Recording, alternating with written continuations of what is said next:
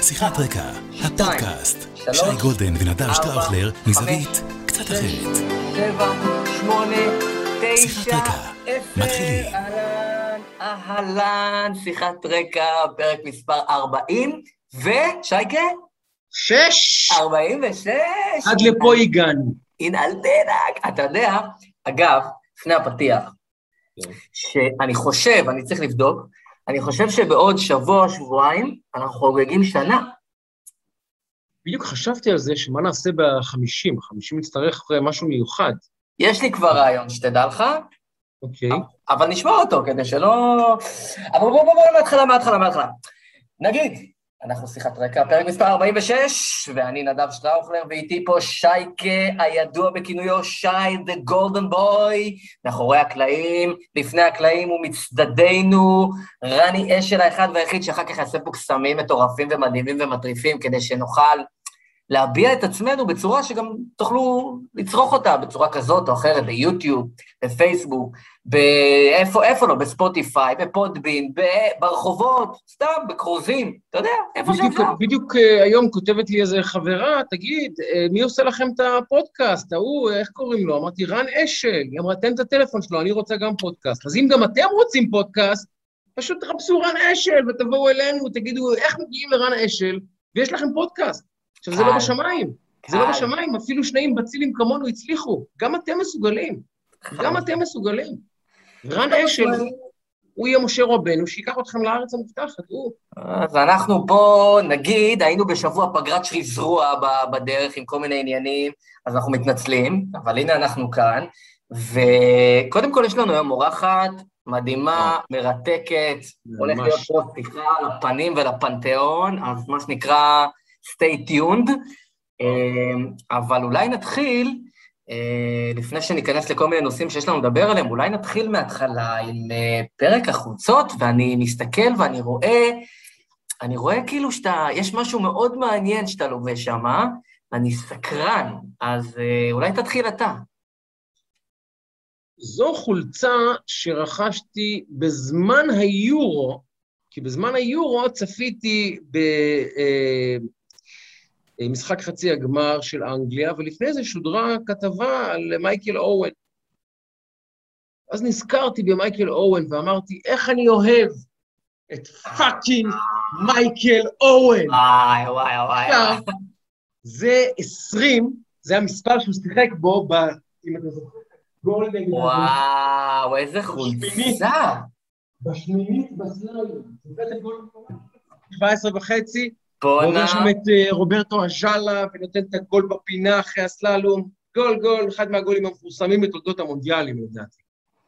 עכשיו, אני חושב שזה היה השער שהובקע על ידי השחקן הצעיר ביותר, בטח בזמנו, לא יודע מה, עד היום. בשעתו, בשעתו, כן, כן, ו- וחשבתי על זה, כי אני מאוד מאוד אוהב את מייקל אורן, תמיד אהבתי את מייקל אורן, ותמיד חשבתי לעצמי, כשאנחנו תופסים את הכדורגל האנגלי, כדורגל, אתה יודע, פיזי, וכדורים גבוהים, והם קצת בוקים, אבל האנגלים ייצרו לאורך השנים, תשים לב לתופעה המוזרה הזאת, כמה חלוצים ממש גדולים. זאת אומרת, יש נכון. להם ממש אה, אה, היסטוריה של סקוררים וחלוצים מטורפים. ת, תקלוט את השמות, כשחושבים על זה אתה אומר, וואלה, בעצם התפקיד שבו האנגלים הכי מצטיינים הוא בכלל חלוץ. לא, לא, striker מה שנקרא, לא חשב, אז ככה. אז יש ג'ימי גריבס וג'ף הרסט למי שהוא בש- בשישים. שישים. בשנות ה... כן. ואחר כך אנחנו, אקפוץ קצת, אה, אקפוץ קצת אה, קדימה. כמובן, איאן ראש, הוא אמנם וולשי, אבל זה כדורגל אנגלי, נכון. אחד הסקוררים הגדולים שראינו ליברפול. אי פעם. כל עונה 40 גולים, משהו מכונת שערים מטורפת. גארי ליניקר, אחד הסקוררים הגדולים שראינו אי פעם. מייקל אוון, חלוץ גאון, גאון, גאון, אה, לדעתי, חוץ מגסקוין וג'ורג' בסט כנראה, אולי השחקן הכי גאון בכדורגל שאני ראיתי, כדורגל... בקאם. אה, פחות, פחות, פחות. אה, אבל אתה יודע, קריס וודל, גלן הודל, היו כמה גאונים, אבל, אבל אחרי אה, מייקל אורן מגיע וויין רוני, עכשיו יש לנו את הארי קיין, זאת אומרת, יש להם ממש דור אחרי דור של חלוצים בשפיץ העולמי, ואתה אומר לעצמך, רגע, בעצם התפקיד שהאנגלים הכי טובים בו, זה חלוץ מרכזי. ואנחנו לא, אני חושב שכשאתה חושב על זה, אתה אומר, באמת? כן, באמת. שחקנים הכי, לאורך השנים, אתה אומר, איזה שחקנים אנגלים היו באמת בטופ של הכדורגל העולמי. אז פה ושם שוער, איזה פיטר שילטון כזה, פה ושם איזה בובי צ'רלטון, אבל בגדול זה חלוצים, שזה מדהים.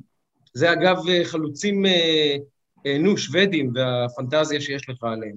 אז זהו, אז אני פשוט אוהב את מייקל אוון, גאון כדורגל, הוא אגב בדיוק בגובה של אה, לאו מסי, כדי לחבר את זה איכשהו לענייני הזה, ולאו מסי הוא עשר ומייקל אורן עשרים, אז אה, כזה.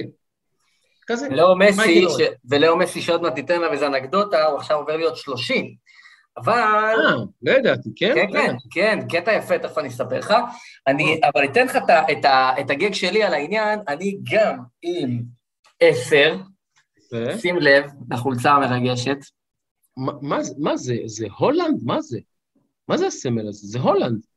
זה רוד חוליט? הגדול? יאללה. זה פאקינג רות חולית, הענק. חביבי, רוד חוליט. אני. באמת אומר לך שיש לי, יש לי איזה חולצה או שתיים בארון. אני חושב שגם ויזואלית, זאת אחת החולצות הכי יפות שהמספר גם מקדימה, זה, זה מדהים, זה, זה הולנד של אה, סוף שנות ה-80.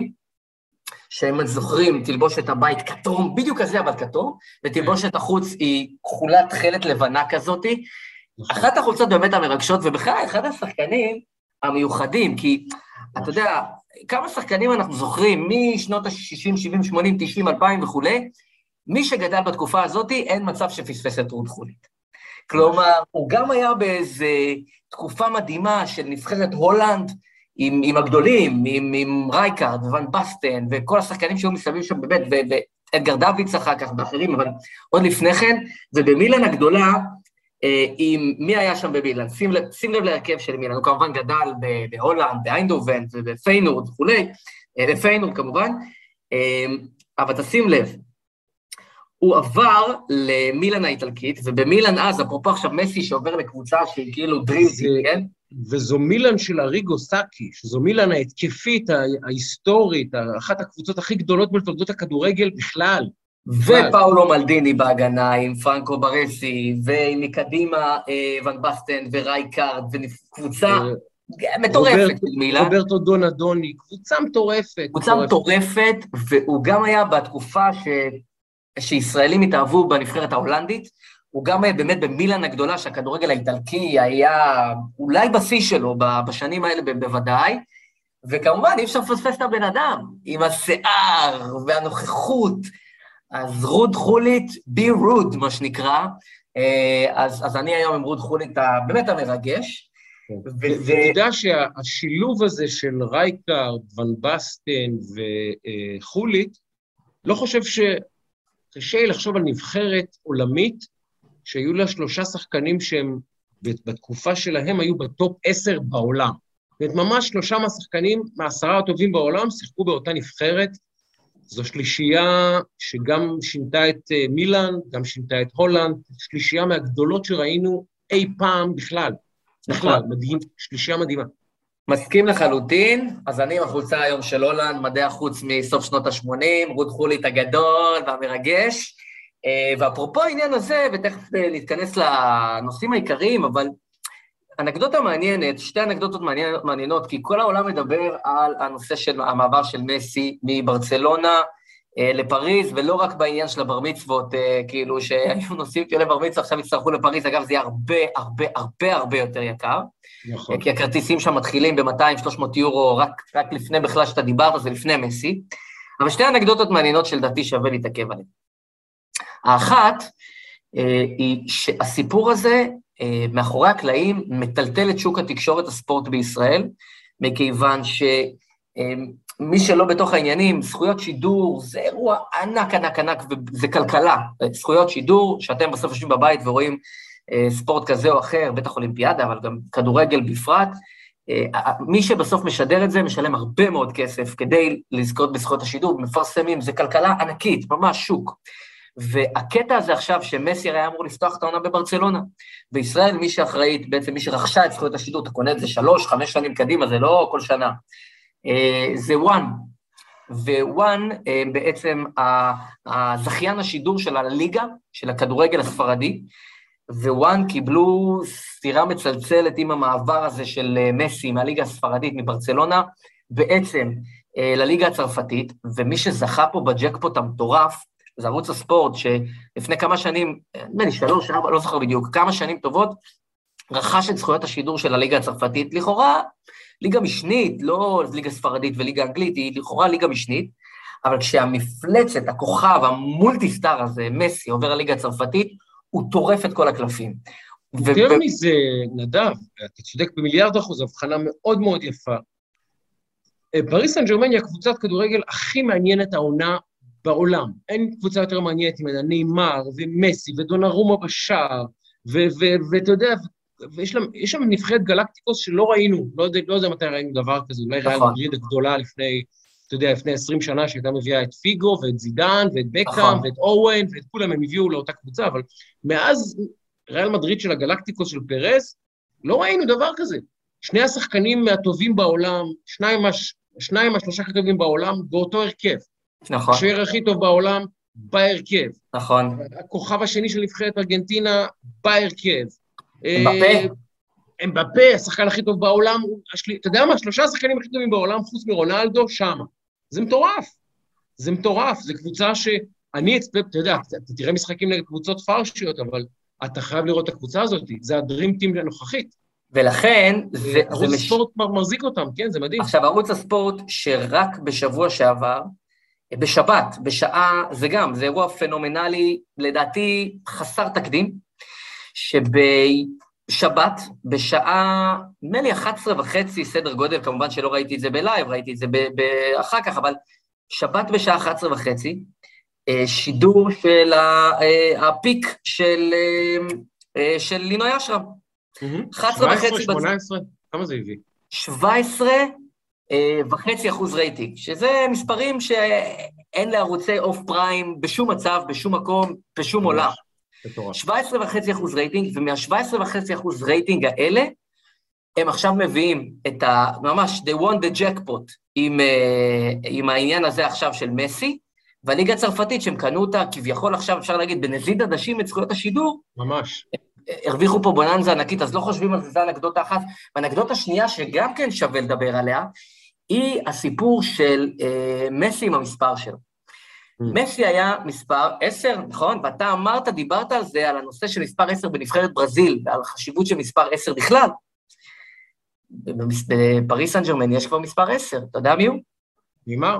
נאמר. עכשיו, אנשים לא יודעים, אבל נאמר ומסי הם חברים מאוד מאוד טובים. היה רגע ממש מרגש בגמר של הקופה, ש, שמס, שמסי ניצח, ובא אליו נאמר וממש מחבק אותו. יש חיבוק מאוד אמיץ בין שני השחקנים האלה, הם חברים ממש טובים. אחת הסיבות שמסי עבר לשם זה גם שיש שחקנים ארגנטינאים וגם שהוא חבר טוב של נאמר, ונאמר מספר 10. וכשהוא הגיע, כשהוחלט שהוא מגיע לפריס סן ג'רמן, זה הכל קרה מאוד מהר, זו ההעברה הכי גדולה בעולם, כנראה אי פעם, לא בכסף, במשמעויות שלה, והיא קרתה תוך 48-72 שעות, זה קרה ממש מהר. בא נאמר, ככה לפי הדיווחים, ואמר למסי, אתה רוצה חולצת 10 שלך? הוא אמר לו, אני מוותר, זה שלך. אתה היית פה לפניי, חולצת 10 היא שלך, וזה המקום שלך, והוא לקח את מספר 30, שזה המספר שאיתו הוא התחיל ועלה ב, ב, כשהוא היה נער בברצלונה, נכון, כשרונלדיניו נכון. היה מספר 10. נכון. אז זאת פעם שנייה שמסי לא מספר 10, כי יש ברזילאי שלפניו בהרכב, וזו גם אנקדוטה מאוד מעניינת בהקשר הזה, וגם אומר משהו על מסי לדעתי. לא, אני... תראה, בשולי הסיפור הזה אולי נביא את עמית או את אורן לדבר איתנו על הקריסה הכלכלית של ברצלונה, שהיא על סף פשיטת רגל. זאת אומרת, מסי כבר הסכים לרדת לאומרים חצי מהשכר שהוא ביקש, ויש אומרים אפילו פחות מזה, רק כדי להישאר בברצלונה, לגמור את הקריירה שם כבר ב-34, כמה עוד ישחק? שלוש, ארבע שנים, יכול להיות שהיום הוא, בגלל הרפואת ספורט, יגיע ל-40, אבל אין לו עוד הרבה שנים לשחק כדורגל. וגם היה שם, היה שם גם עניין עם ה fair play, והיה שם עוד כל מיני עניינים. כן. אגב, אני לא מבין איך ה fair play עובר, זאת אומרת, איך אופ"א נותנת לקבוצה כזאת לשחק. עם, כמו שאמרנו, עם אמבפה, מסי וניימאר באותו הרכב, אם, אם אין fair play בעולם, זה, זה המשמעות של היעדר fair play, זה לא כוחות. והדבר הכי מצחיק זה שאני ביום ראשון שעבר הייתי פה בבלומפילד וראיתי משחק ששיחקה בו פריס סן ג'רמן נגד ליל, פריס סן ג'רמן אגב הפסידו, במשחק שהיה כאן, וזה היה אחד הפרודים הכי גדולים שהייתי, כי על הכרטיס של המשחק אתה רואה את אמבפה, וכל מיני, כאילו, השחקנים הכי טובים שלהם, אף אחד מהם לא הגיע לישראל.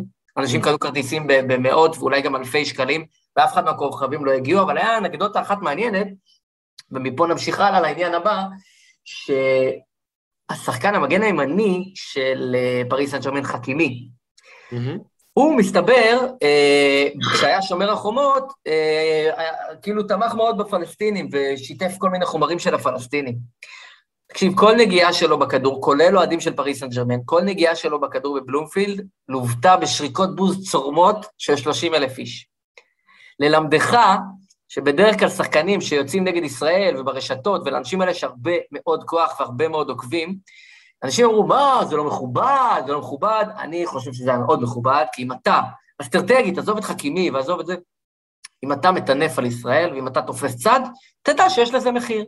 נכון, אנחנו לא יכולים לגבות מחירים אסטרטגיים כבדים, אבל מה שאנחנו יכולים לגבות מחירים, אני בעד, ואני, ואני אה, תמכתי בשריקות הבוז האלה לאותו אחד ש, שהוא ידע שהוא מגיע לישראל, דקה אחרי שאנחנו במלחמה עם הפלסטינים, והוא אומר, הישראלים, לא, הוא לא אמר ישראלים רוצחים, אבל אתה יודע, זה הנרטיב, כן, אז שידע שיש לזה מחירים.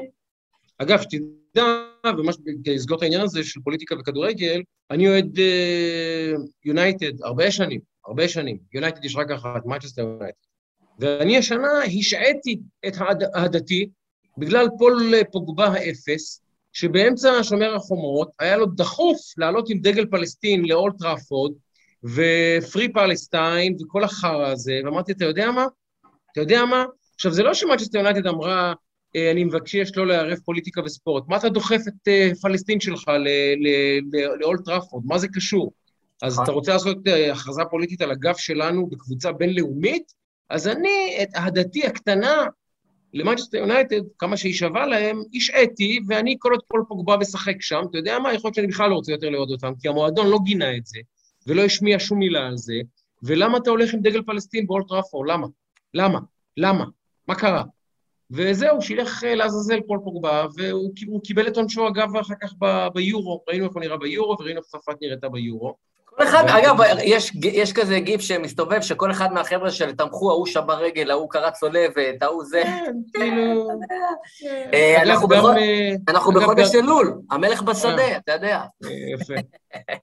אה, בואו נבקש מהאורחת שלנו לתת לנו עוד עשר דקות לשוחח. כן, הנה, אני, אני בדיוק כותב לה כי היא אורחת נכבדה, אז אני גם אה, זה. אורחת אה, מאוד נחמדה וחשובה. בכלל, העניין הזה של ספורט ופוליטיקה, אני מבין שספורטאים הם, הם דמויות בעלי הד ציבורי, והם רוצים, רוצים להשתמש בפלטפורמה שלהם כדי לייצר מסרים שהם גם חברתיים ופוליטיים, סבבה, אבל לפעמים אתם מתבלבלים ושוכחים שאנחנו באנו לראות אתכם משחקים כדורגל כדי לברוח מפוליטיקה. נכון. כשאני צופה במאצ'סטר יונייטד, אני לא רוצה לחשוב על שומר חומות. יש לי שומר חומות 24-7, חוץ מה-120 דקות האלה שרואים את מאצ'סטר יונייטד עם ההפסקה באמצע. וגם לשם אתה דוחף לי את פלסטין, אז למה? בסופו של דבר ספורט זה, זה בידור, זה entertainment. ואני מבין מדי פעם, אתה רוצה ללכת עם סרט על הדש של, של מי, לזכרו של מישהו, לעמוד דקה דומייה, ברור, ברור, ברור, אבל כזה מופע אה, פוליטי, באמצע משחק כדורגל, או שחקן כדורגל שהופך להיות דמות פוליטית, אחי, התבלבלת. נכון. אתה שחקן כדורגל, התבלבלת. ובינינו, דעתך הפוליטית, אותי, לא כל כך מעניינת. נכון. לא כל כך מעניינת. תגיד, אה, איך היה השבוע שלך? וגם אה, אתה מרגיש שהממשלה הזאת מנהלת את האירוע, או שאנחנו בבעיה? כי אני ראיתי את נתניהו, שאמר לפני, ממש לפני שעה קלה, אמר ככה, נתניהו, אזרחי ישראל, אני אומר את זה בדאגה, אין מי שישמור עליכם. מה דעתך? אני נאלץ להסכים איתו. אני חושב שאנחנו באחד מאירועי תת-הניהול הגדולים בתולדות ישראל והחמורים בתולדות ישראל. אני אה, אה, רק אסביר, לא רק כדי לומר מילים גדולות, את המצב לאשורו כפי שהוא רק אתמול בערב, אה, כולנו חזינו בו, שלשום בערב, אתם תאזינו לזה ביום חמישי. אה, בבוקר מתראיין שר האוצר ליברמן ל-103 FM ואומר, אני לא אגיע לישיבות הקורונה. יש, שר, יש לי שר במשרד האוצר והוא יטפל בזה. זאת אומרת שהנושא האסטרטגי החשוב ביותר היום למשק הישראלי, אולי לחמש שנים הקרובות, שר האוצר אומר, אני שולח את ה... זה, את ההוא. זה מה שהוא אומר. אני, זה לא תפקידי, לא מעניין אותי. זה אחד. כמו כן הוא אומר, סגר בעיניי זה רעיון גרוע, ואני חושב שזה כניעה ופחד להיסטריה. זה דקה אחרי שראש הממשלה אומר, אנחנו נלך לסגר, אין ברירה. מצד שני הוא אומר, אולי לא נלך לסגר כי אין ברירה. מצד השלישי הוא אומר, נלך לסגר כי אין ברירה. אתמול איילת שקד, אשת אמונו ויד ימינו ושרת הפנים של מדינת ישראל, אה, אומרת בצורה ברורה, צריכים להכיל את המוות. מגיפה זה דבר שמתים ממנו, וצריכים להכיל את המוות, אנחנו נלמד לחיות לצד המגיפה. אז יד אחת אומרת סגר, יד שנייה אומרת, נתמודד עם המגיפה כמו שהיא ונחיה לצידה, יד שלישית אומרת, שר האוצר לא מתכוון לשבת בדיוני הקורונה. יש לא לדבר על שר החוץ, יאיר לפיד, שגם אותו לא כל כך מעניין לשמוע איך מדינת ישראל תצא מהקורונה. הוא אגב צפוי להיות שר, ראש הממשלה בעוד שנה ועשרה חודשים. אז אנחנו רואים את הממשלה הזאת, אלה ארבע הדמויות כנראה הכי בכירות בעולם, פספסתי את סער, שכמובן לא שומעים אותו אומר מילה על הקורונה, כי זה לא עניינו, זה לא מעניין, הוא עסוק עכשיו בחקיקת חוקים נגד נתניהו, מה אכפת לו מהקורונה, עם ישראל, מה זה משנה, זה לא מעניין. אז אתה רואה את חמישה אנשים המרכזיים היום בשלטון בישראל, אחד מהם הוא ראש הממשלה, באמת, אני מרחם עליו, אני לא צוחק, הוא נראה אבוד. אני עוקב אחרי ההופעות הציבוריות שלו, אחרי הפוסטים שלו, אחרי הסטורי שלו, הוא נראה אבוד, אבוד. זה גדול עליו לא בשתי מידות, זה גדול עליו ב-15 מידות, וזה ממש מעורר רחמים לראות את זה. זה לא בליגה שלו, הוא לא קשור לאירוע, זה פשוט, זה כמו לתת לי לנהל עכשיו באמת מחלקה אונקולוגית בסורוקה. אין לי את הכישורים לזה, אין לי סיכוי להצליח בזה, אין שום זמן שייקח לי כדי להשתלט על הדבר הזה. אני לא מתאים לתפקיד, אל תיתנו לי אותו. אותו דבר בנט. לא מתאים לתפקיד, נקודה. ואם אתם רוצים עוד חצי שנה שהוא יתגלח על הזקן של כולנו כדי שנראה את זה, לפני שיתפתח פה איזה אירוע ביטחוני חס ושלום חמור, איך הוא ינהל את זה, אני לא יודע. עכשיו, שר האוצר שלו מתחיל לעשות לו זובור מאחורי הגב, ממש. עכשיו, הם מתחילים להדליף אחד על השני. הרי מי הדליף ששר האוצר ושר החוץ לא באים לדיוני הקורונה? לא אני. ראש הממשלה הדליף, כי הוא כועס עליהם. אז עכשיו הם מתחילים ללכת לו על הראש. היום מידיעות אחרונות שאנחנו יודעים באיזה מועמד הוא תומך לתפקיד ראש הממשלה הבא, בעוד שנה ועשרה חודשים. הולך לנפתלי בנט בעמוד ראשי שהכי חמור מאז שהשלטון שלו, מאז שהוא עלה לשלטון. המגפה משתוללת עם נתוני אה, אה, חולים ונתוני אה, האחוזים המטורפים של העלייה בנסיקה בתחלואה, ועם ידיעות אחרונות הולך על כזה שער אגרסיבי, שהוא מחדל הקורונה, ממש שער מאוד אלים זה היה. אז אתה לא, מבין... לא, מחדל עוד לא, המילה מחדל עוד לא נאמרה, אבל...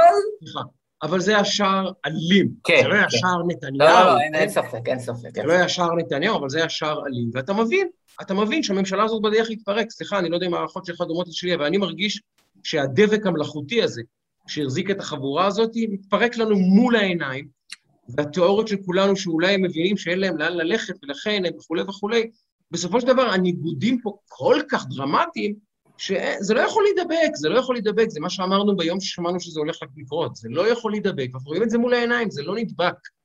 כל אחד מושך לכיוון שלו, כולם מצפצפים אחד על השני, ראש הממשלה הוא לא מושל, הוא לא יכול לנהל אף אחד, הוא לא יכול לומר לאף אחד, הרי ראש ממשלה, הרי אם שר האוצר היה אומר, אני לא בא לדיוני קורונה ומתראיין ברדיו ואומר, לא מעניין אותי, היה קורא לו ראש הממשלה נתניהו לחדר, או כל ראש ממשלה אחר, עזבו נתניהו, סליחה.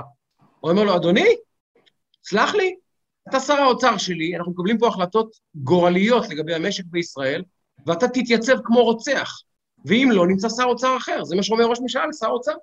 אבל נכנס ראש הממשלה לשר האוצר, ושר האוצר אומר לו, אחי, א', יש לי יותר מנדטים ממך, ב', בלחיצת וואטסאפ אחת אני מפיל את הממשלה עכשיו. אז אין לו כוח, מה הוא יכול לעשות? איזה ראש ממשלה? איזה ראש ממשלה הוא? אז אין לנו ראש ממשלה, אין מושל, כל השרים תחתיו עושים לו בוקה ומבולקה, ואנחנו בעיצומו של אירוע קורונה מדאיג מאוד שמשתולל בעולם ובישראל במספרים מפחידים, ואני מאוד מאוד מודאג. אין פה, אין, אה, באמת, היום כתבתי בעת ההיא, אין ראש ממשלה בישראל, ואין שופטים בירושלים, ואין שר חוץ, ואין שר פנים, ואין שר משפטים, והארץ הייתה תוהו ובוהו. זה המצב, חבר'ה. יש פה כאוס במדינה. וזהו. אז אני מודאג מאוד מאוד מאוד מאוד מאוד, ואני אוסיף עוד משפט אחד. אתמול בנט מצייץ uh, סטורי, או מה שזה, איך קוראים לזה, מצייץ, מעלים מעלה סטורי שבו הוא אומר, uh, תשעה מכל עשרה חולים חמורים הם מעל גיל חמישים. Uh, נא, uh, איך, הוא, איך הוא קורא לזה? נא לשמור, אני אעשה עכשיו על, ה, על הציטוט. אה, אה, להישמר במיוחד. איך, איך אני אשמר במיוחד, מר, מר בנט, אדוני ראש הממשלה? מה אני אעשה עכשיו? אני, אני בן 50, אני בקבוצת סיכון כנראה מטורפת. מה לעשות? לשים מסכה, לא לשים מסכה, לשים כפפות, להישאר בבית, לבטל פגישות, מה לעשות? אני לא יודע. אני לא יודע. אני רק עכשיו, הכנסת אותי ללחץ ואני לא יודע מה לעשות. אז אני מודאג. ואתה פשוט אה, לא, אדוני, לא מתפקד, ראש הממשלה, אתה לא מתפקד. והגיע הזמן שתתעורר. זהו. מה שמעניין זה שהוא בעצם מינו פה שר מודיעין, לכאורה, זה התפקיד שאמור להיות לאלי אבידר. עכשיו, אני כאילו יודע שמודיעין מבוסס בדרך כלל על אה, מה שנקרא חוזי, על ניתוחים ועל עובדות. אה, עכשיו, אה, כל העובדות וכל המדע אומר שצריך להתחסן, ואלי אבידר היה סרבן חיסונים פר אקסלנס לאורך כל התקופה הזאת, והתחסן רק ברגע שכאילו, לפני שהוא קיבל את התפקיד. אז אתה מביא לבן אדם שהולך להיות שר המודיעין, ובו אתה כאילו לא צריך להיות ראש אמ"ן בשביל להבין שהחיסון מציל חיים. כאילו, עכשיו, אם את זה הוא לא יודע, מה, מה יקרה כשהוא יקרא דוחות מודיעין, האיש הזה? עכשיו, עוד, עוד דבר מעניין שצריך לשים אליו לב, אני ראיתי את הרעיון של, של איילת, ועזוב, לא נכנס רגע לפרטים, בקצה, היא היחידה שמנסה להגן על נפתלי. היא היחידה שמנסה להגן על ראש הממשלה. איפה האנשים? איפה השרים? אתה יודע, בנד... בסוף, אמרת, אתה, אתה מרחם עליו, אתה זה, בסוף הבן אדם ראש ממשלה, הממשלה שלו צריכה לבצר את שלטונו, היא צריכה לעזור לו לממש את תפקידו. אף אחד לא מתראיין, לא מדבר בתקשורת, ומגן על ראש הממשלה, לא ברמה של נפתלי גבר, מגן על תפיסתו, מגן על פעולותיו, מתקף את פעולותיו, כלום. אתה שמעת מישהו שעולה להתראיין, מישהו מהגוורדיה הזאת שאומר, אה, ראש הממשלה נפתלי בנט עושה את עבודתו נאמנה, הוא עושה ככה וככה וככה וככה, זה...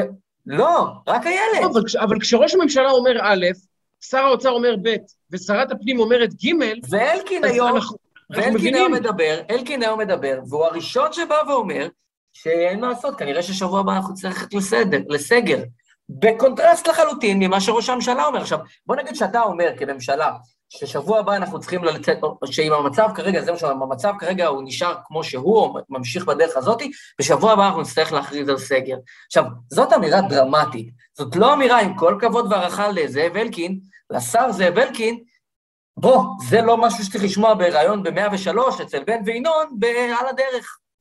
אבל כשממשלה לא מסונכרנת, וכל אחד נמצא בממלכה שלו, ואין דבק, ואף אחד לא שומר על ה... אז, אז ככה זה נראה. אבל אני חייב להגיד לך, שאני תופס, שאנחנו מסכימים על, ה, על הניתוח, אבל לא בהכרח על התוצאה.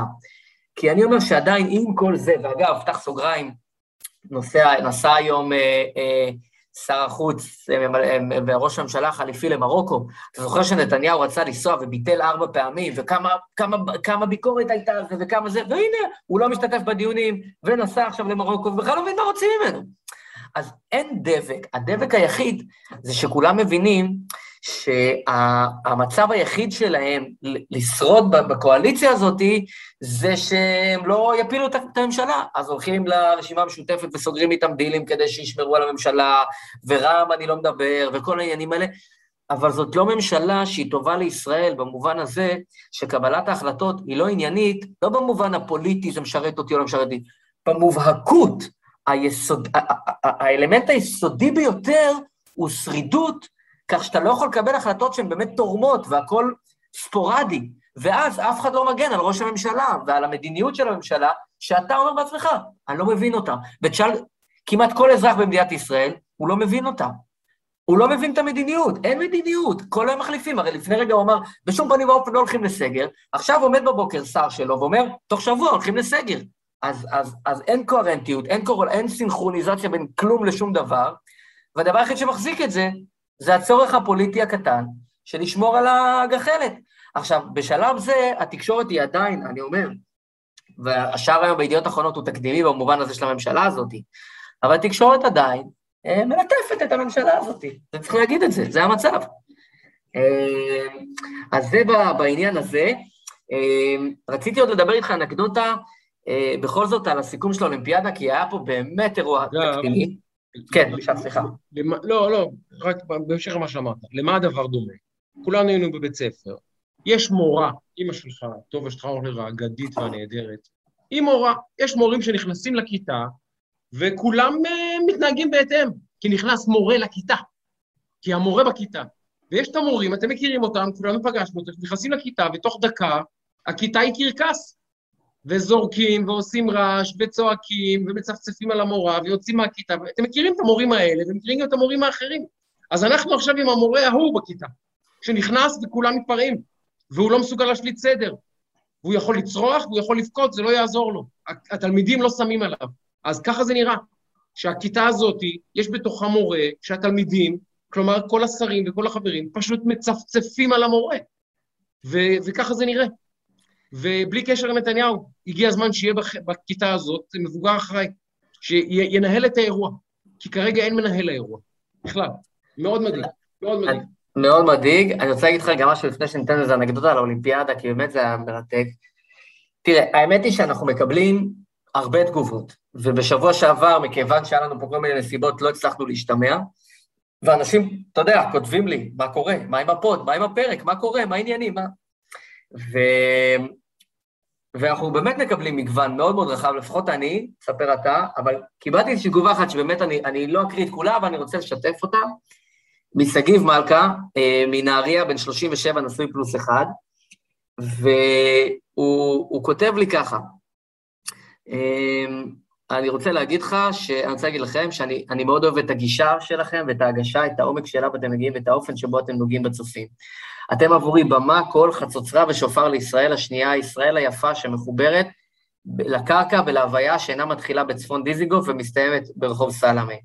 הוא אומר, אני ישראלי, ציוני נלהב, גדלתי בעכו, ספרדי, מרוקאי, מסורתי, כיפה סרוגה, kind of דתי, חובב חסידות וחום פריפריאלי ועוסק בחינוך.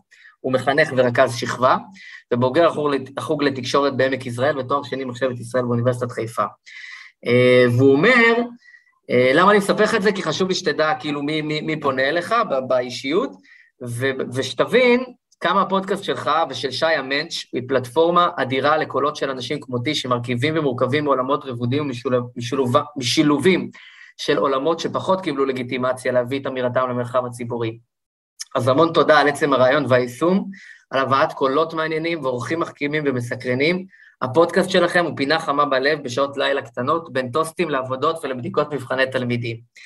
והוא מוסיף פה, הוא נתן פה גם כמה עצות והערות שניקח אותן באמת לתשומת ליבנו. אחת מהן אה, זה שהוא אומר, תשמע, אה, אתם פתאום נעלמים לשבוע, אני לא יודע מה קורה, אתם צריכים להגיד, אה, מה, מה, אני צריך להיות מורגל לשעה ויום.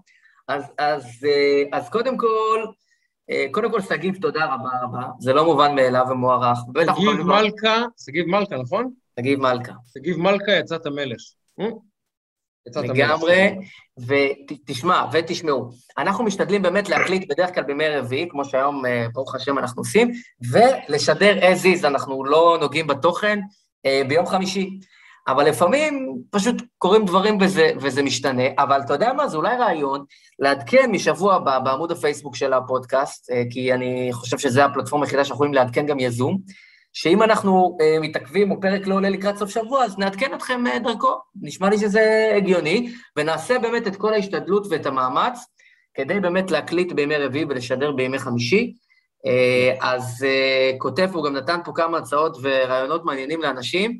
אה, שנזמין, והוא חותם בזה שאתם בעבורי משבצת התוכן החשובה ביותר בשבוע, בין אם זה ברשת ובין אם ב-TV. אה, הרמתם פודקאסט אדיר, אדיר, מחכים, מאפשר ומאוד ביתי, חמים ונעים, לומד מכם המון, אסיר תודה ומאחל לכם המשך דרך פוריה, חיוכים ורוב שמחה, יהי חילכם לאורייתא ולפודקאסטה, בהערכה רבה. אז באמת, אני אומר לשגיב, ואני אומר באמת לכל מי שכותב, אנחנו ממש משתדלים להגיב, אה, לא רק לשגיב, באמת תודה, באמת זה לא מובן מאליו ומוערך, וגם נותן... וחשוב להבין, תראו, גם נדב וגם אני, וגם רני כמובן, עושים את זה ממש בהתנדבות. זה, הפודקאסט הזה עולה לנו כסף. אנחנו לא רואים מזה כסף, אנחנו גם לא בונים על לראות מזה כסף בשבוע, שבועיים, חודש אה, הקרובים, שלא לומר כנראה מעבר לזה.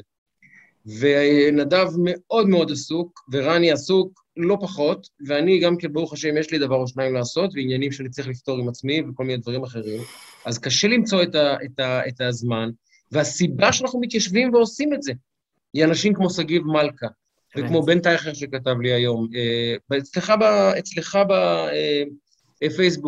הגבתי לך והוא אמר לי, די שטויות, תעלו כבר פרק. זאת אומרת, בשביל האנשים האלה אנחנו, בשביל שגיב ובן, ואנשים טובים, ו- ו- וכוכב שכל הזמן כותב לי, אה, באמת, האנשים האלה, הם הסיבה שבשבילם אנחנו עושים את המאמץ הזה, וכל שבוע מפיקים ומביאים אורח, או עורכת, אורחת, אז תודה לכם, זה בשבילכם ממש, ובגללכם גם. תודה. לגמרי, לגמרי. אה, ולפני שהאורחת המאוד מכובדת שלנו תצטרף אלינו ממש בעוד דקותיים, ממש בקטנה, אני רוצה להגיד לך שנהניתי מהאולימפיאדה הזאת, כולם כן. דיברו באמת על לינוי ועל ארטיום ועל הג'ודו.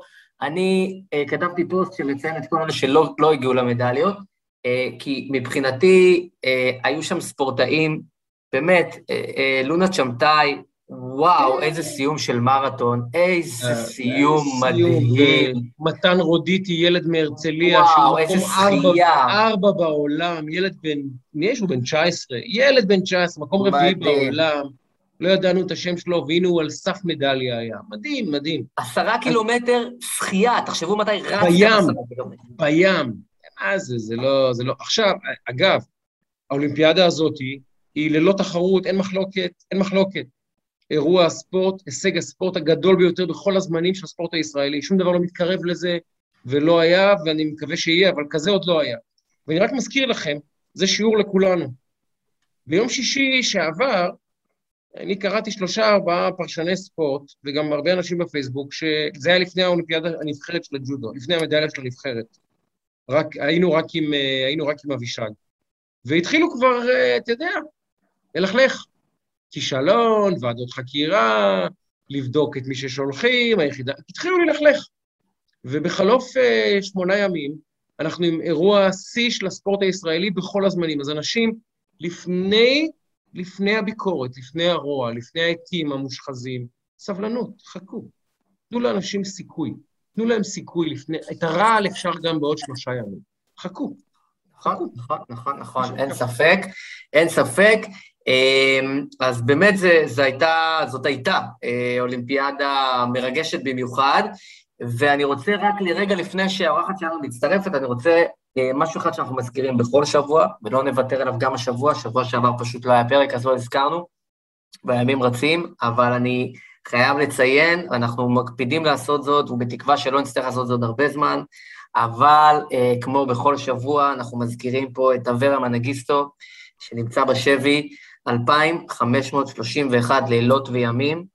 אה, ואני יודע שהממשלה הזאת, לצד כל מה שדיברנו עליו ועוד נדבר, אה, פועלת בנושא, ואני מקווה שתפעל ביתר שאת, אה, כדי שבאמת, אתה יודע, שאברה יחזור לחיק משפחתו, וזה נושא שאנחנו מעלים אותו כל פעם בציבוריות, ואתה יודע, גם מדברים איתי על זה, על הקטע שכאילו אנחנו מזכירים את זה בכל פעם, אז הלוואי שלא נצטרך להזכיר את זה עוד יותר, יותר מדי, אבל ככל, שה, ככל שהאירוע והמצב יהיה אה, כפי שהוא כרגע, אז אנחנו כמובן אה, נמשיך ונזכיר את אברה. אנחנו, כאן... לא, בוא, נדב, תהיה ברור, כל עוד אברה אינו בביתו, ואנחנו, יש לנו מיקרופון, אנחנו נזכיר את שמו, זה, זה, זה יהיה ברור. בוא נגיד שלום אה, לאורחת שלנו, אתה תציג אותה. בטח. קודם כל, לכבוד הוא לנו, ולעונג לנו, ולזכות, ו, ובאמת כיף גדול אה, להציג את טליה איינהורן, האחת והיחידה, פרופסור טליה איינהורן, שהיא חברה קבועה באקדמיה, באקדמיה הבינלאומית למשפט השוואתי. אבל זה רק ברשמי. ברחב יותר, היא אחת מהאנשים, ובכלל האנשים שאני הכי נהנה להקשיב להן, לקרוא אותם.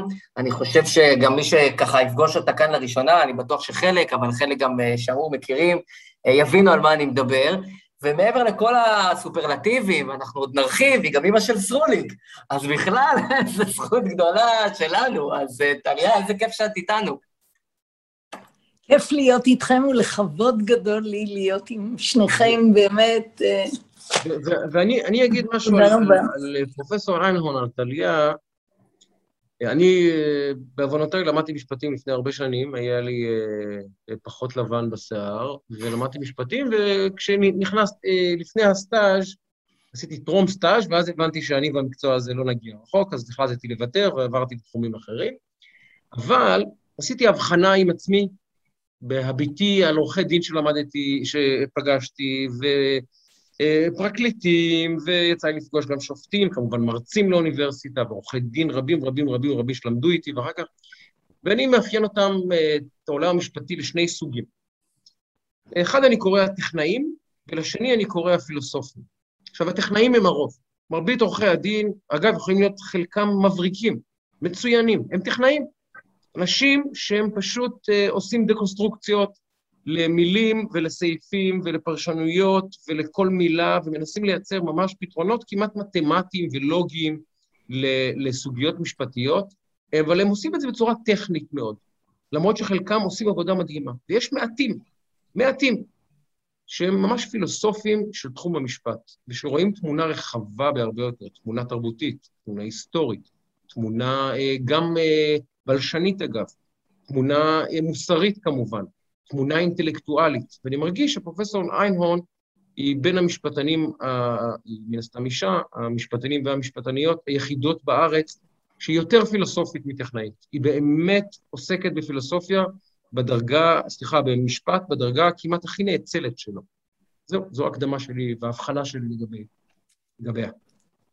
שזו הבחנה מרתקת, אני חייב לציין, ואני אני כאילו, אני גם קורא את עלייה וגם uh, עוקב אחריה, ובאמת זה, זה, זה קול כל כך חשוב, ו- ולכבוד הוא לנו שבאמת את איתנו פה, כדי שנוכל אה, לשמוע ולהשמיע את הקול שלך כאן, כי זה קול באמת באמת חשוב מבחינתנו. מה שלומך בימים אלה? עובדת מהבוקר עד הלילה, נהנית גם מהמשפחה, הכל נפלא. החיים בארץ הם בסך הכל של הדור שלנו. תראה, אני נולדתי, זכיתי להיוולד לתוך מדינת ישראל. מבחינתי אני מגשימה בעצם את חלום הדורות בחיים שלי כאן, זה דבר ענק. זה דבר שעליו כל בוקר כשאני מתעוררת אני מודה. באמת זכיתי למשהו שדורות של יהודים יכלו רק לחלום עליו. זה לא אומר שבימים האלה אני לא חרדה לפעמים, שמא חס וחלילה נאבד את זה. אבל תקווה בת שנות אלפיים ויהודי תמיד צריך להאמין, לקוות ולהודות. אגב, השם שלנו, יהודה, השם יהודה בא מתודה. כן, אה, אומרת אה, לאה בלידתו של יהודה, אתה הודה את אה, השם. ונשאלת השאלה, מה, בן רביעי, מה פתאום, זה הרי צריך להיות מובן מאליו, והתשובה, גם על המובן מאליו צריך להודות. Mm. אז uh, בהרגשה הגדולה אני באמת חיה בהרגשה שהתמזל מזלי, והלוואי שזה לא ילך לאיבוד. והנה, הנה מאזינות ומאזינים, צופות וצופים, קיבלתם דוגמה חיה למשפטנית שהיא... שרוחב היריעה שלה הוא באמת יוצא דופן. אני רוצה לפתוח בשאלה הראשונה, והיא תהיה כזו. תפתח, כי יש לי הרבה מה לשאול, אז תפתח. אוקיי. אני... אולי לפני זה רק אני אומר מילה אחת, שזכיתי... חופשי, גם, אה, טליה, גם הרבה מילים, אנחנו חופשי. זכיתי לקבל חינוך טוב. כלומר. גם בבית, אבל גם מה שהזכרת בבית הספר למשפטים, אני למדתי עוד הרבה לפניך.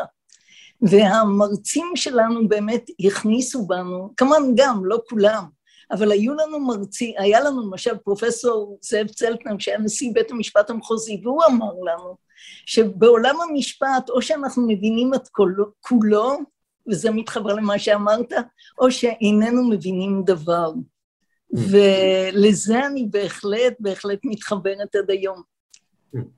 כן, אילו היו לך מורים כמו שלי, וגם המאמנים שלי בסטאז', דוקטור רוטנשטרק ואליהו גיצלטר ז"ל, אילו היו לך מאמנים כאלה ומרצים כאלה, ייתכן שהיית נשאר במקצוע. אה, אז אני לא, לא אדבר סרה באף אדם, היו לי כמה מרצים לא, טובים, לא. אבל הרגשתי שהמקצוע הזה הוא טכני מדי, כמעט, אה, כמעט הנדסי, וחיפשתי שאר רוח, והיה מאוד קשה למצוא בו שאר רוח. אה, אה, וממילא הנטיות שלי הן אחרות. השאלה שלי היא כזאת, יש תחושה, כמעט, כמעט קונצנזוס, אפשר לומר, שמערכת המשפט מצויה תחת מתקפה.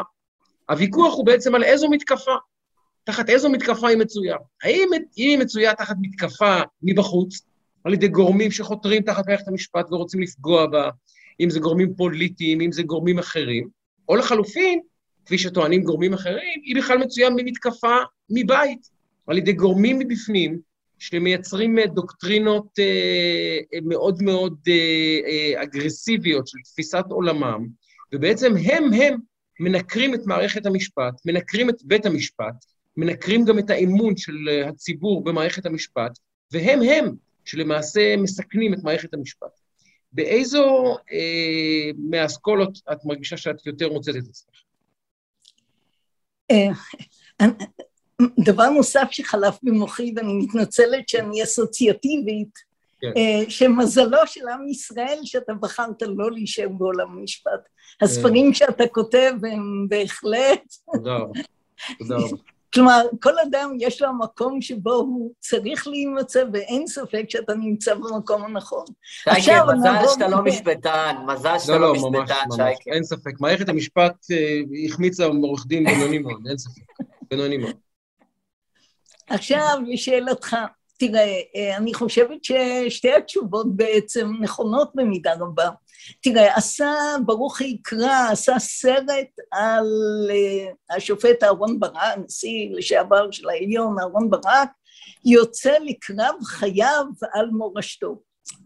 עכשיו, הקושי הגדול הוא שבית משפט שיוצא לקרב, בעצם זה שהוא יוצא לקרב, במידה רבה שומט את הקרקע מתחת ליסודותיו. מפני שתפקידה של מערכת המשפט הוא לפתור סכסוכים.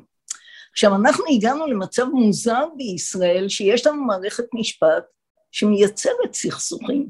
כלומר בית המשפט העליון למעשה בזה שהמהפכה החוקתית שפתחה את השער בפני כל עותר ציבורי מטעם עצמו, אם כי לאו דווקא אם הוא חבר כנסת מהצד הלא נכון, ובכל דבר סביר לא סביר, הכל שפיט, אפשר להיכנס, אם נכנסת לענייני ביטחון ופוסלת חוקים כלכליים ונושאים ביטחוניים וכן הלאה וכן הלאה וכן הלאה.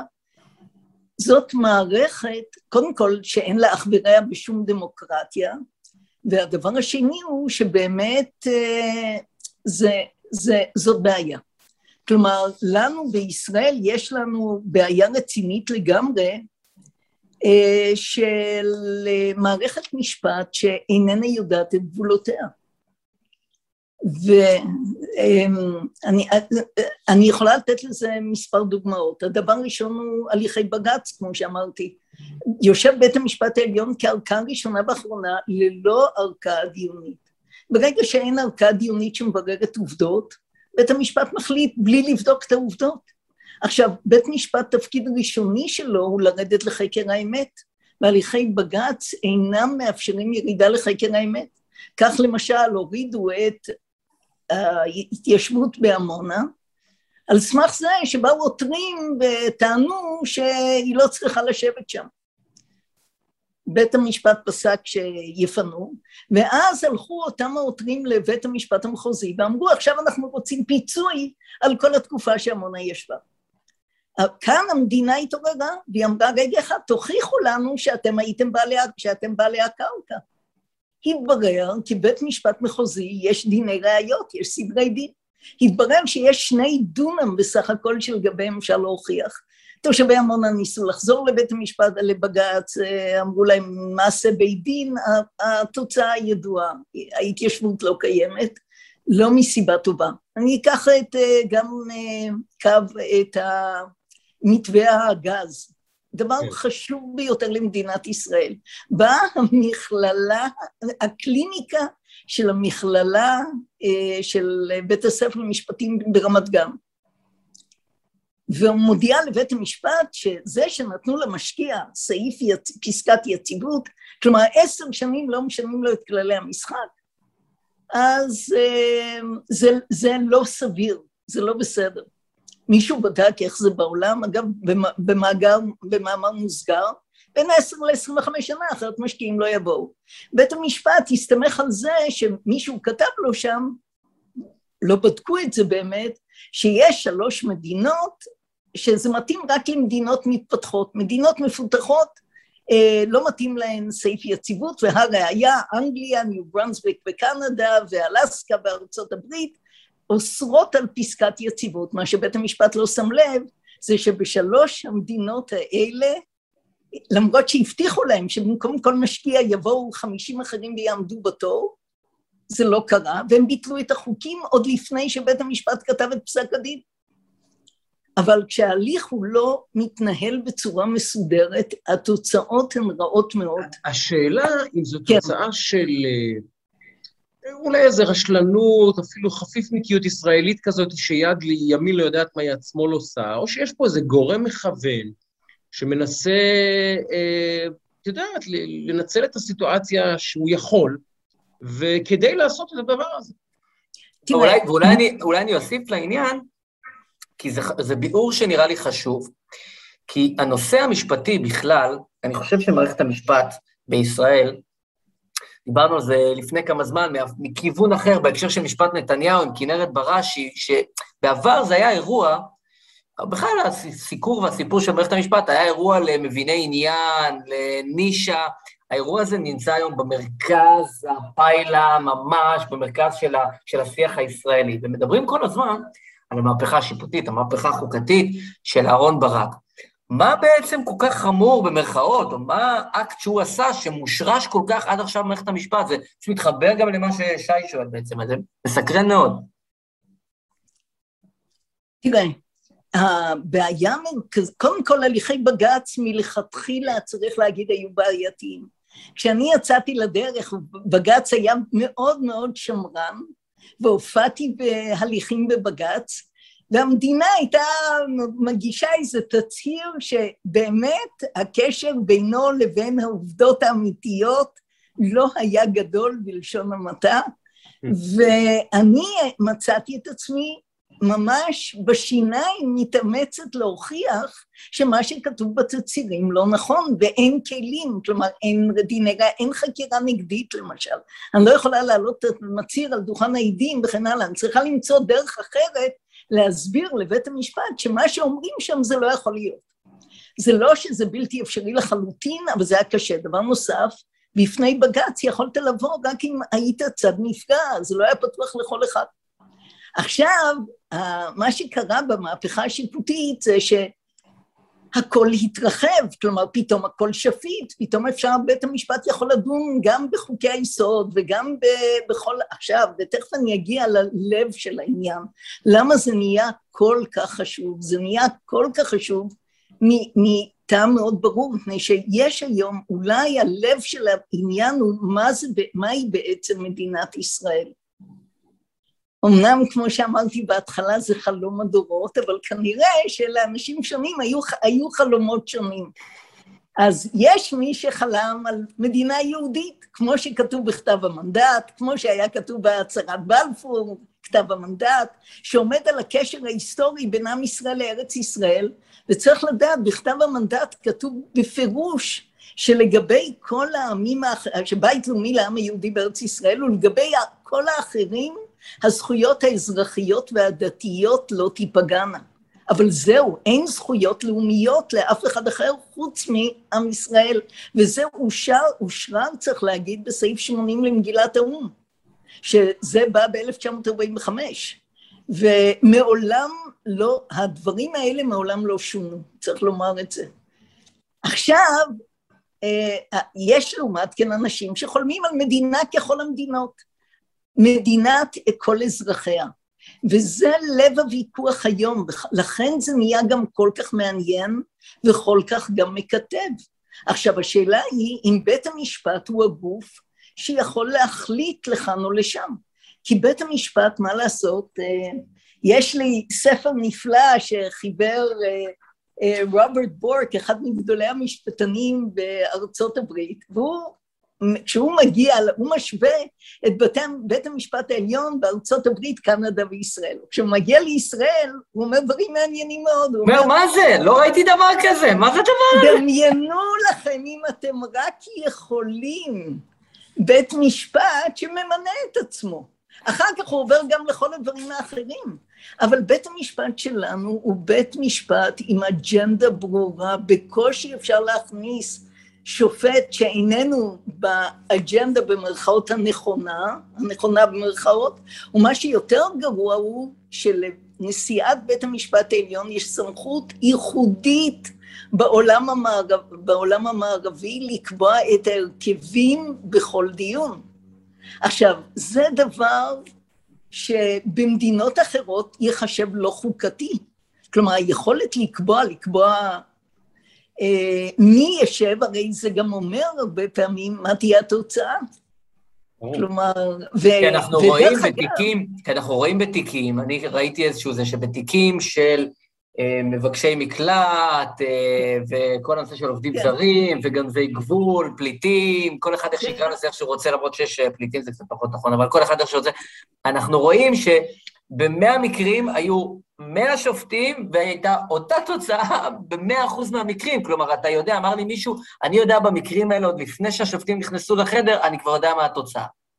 בבית המשפט העליון דנו בזה שני שופטים בלבד, פרוגרסיביים. ועליהם נותבו כל התיקים, אלא אם כן הם היו בחופשה.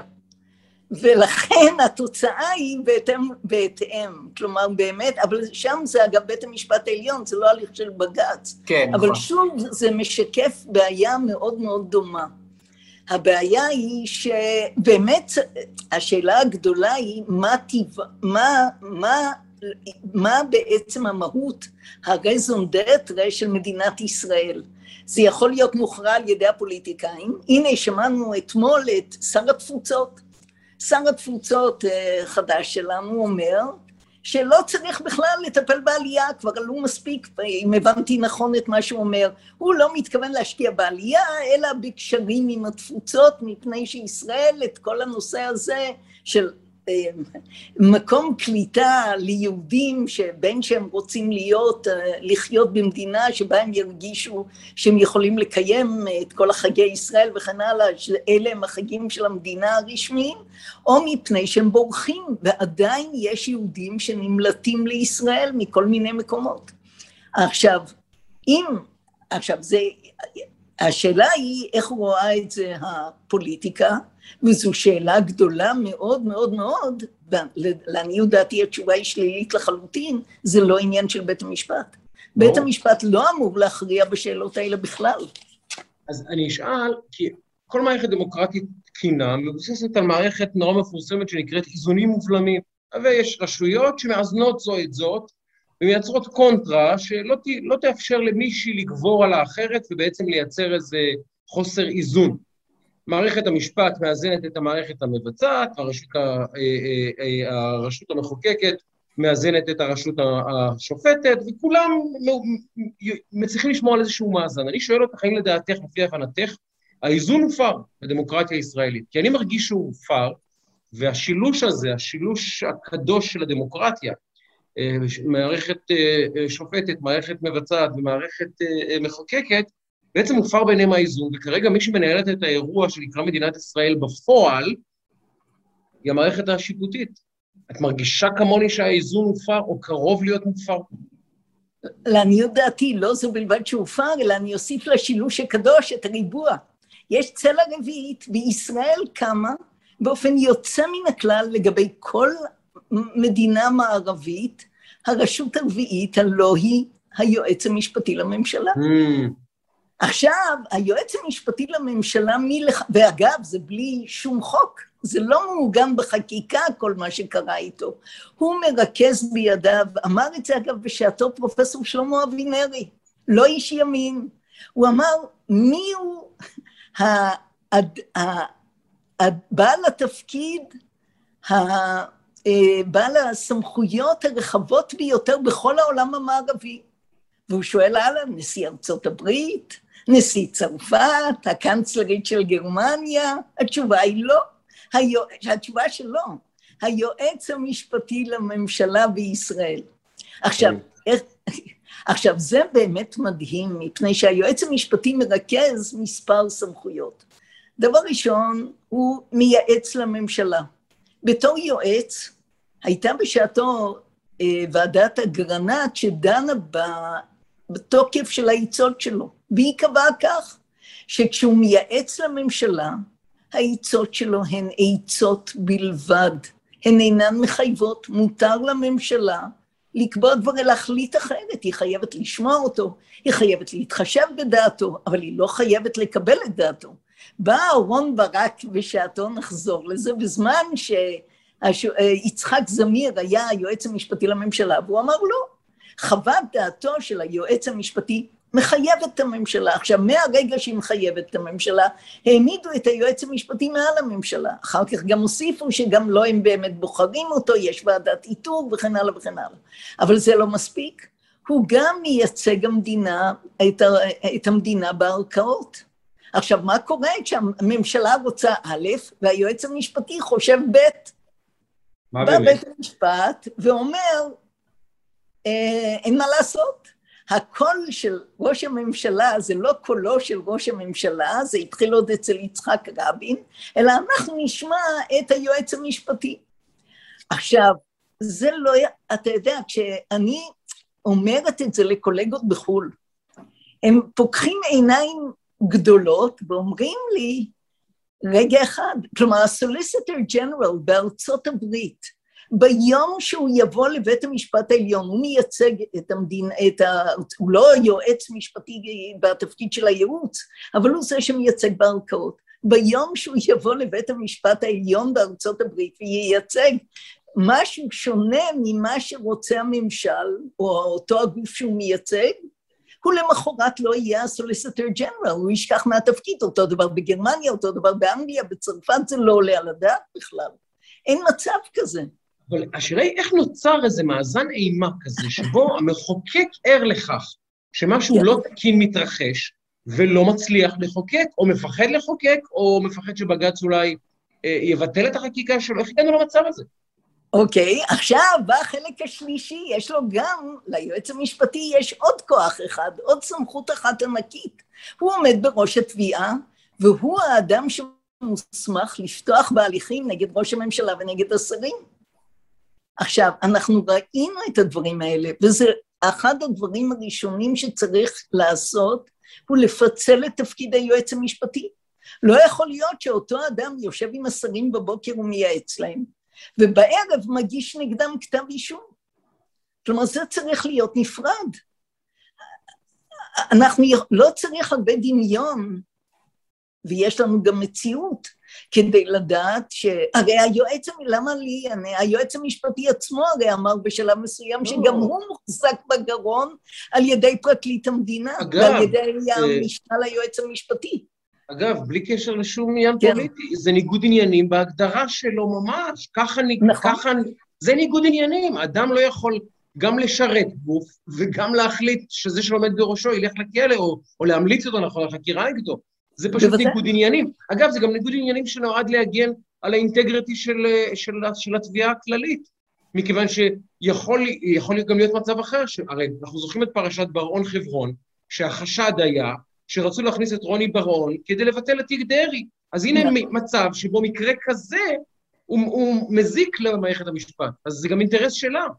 אני לא מבין. כל הדברים שציינתי הם בעצם, אני באמת, בעיניי עולם משפט הוא חשוב מאוד.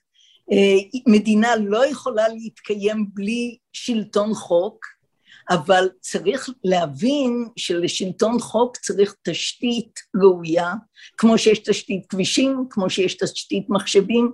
אצלנו התשתית המשפטית נהייתה, ולא רק בתחומים האלה, ממש על קרח דק. כמעט אין שום דבר. ומיום ליום המצב רק הולך ומידרדר בעצם. עכשיו, אני אוהבת את העניין של מערכת משפט, מאוד אכפת לי ממנה. זה לא מחוסר אכפתיות שאני כותבת את כל הדברים האלה ואומרת אותם, אני מסכימה איתך לחלוטין. עכשיו, תוסיף לזה עוד את הסמכויות של בג"ץ ובית המשפט העליון בכל הדיונים, ואתה רואה עד כמה המצב הוא, וזה רק חלק מהעניין, כי לצד הסיפור של, ה, לא, של חוסר המשילות וכן הלאה, יש לנו בעיות חמורות גם בתחום המשפט הפלילי כמובן. הדוגמה המובהקת היא באמת תיקי נתניהו, אתה צודק. למה הם כל כך תפסו? מפני ששם יש עורכי דין מהשורה הראשונה שמייצגים את ראש הממשלה, והם מוציאים לאור דברים שבתיקים אחרים אנחנו לא רואים אותם.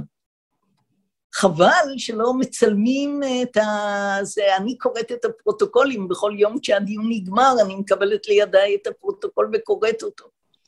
אבל מה את. רואה שם? מה, מה, את מה? רואה, מה את רואה בפרוטוקולים שהם... אה, תראה, הפרוטוקולים נתנו תמונה מאוד קשה של התנהלות הפרקליטות.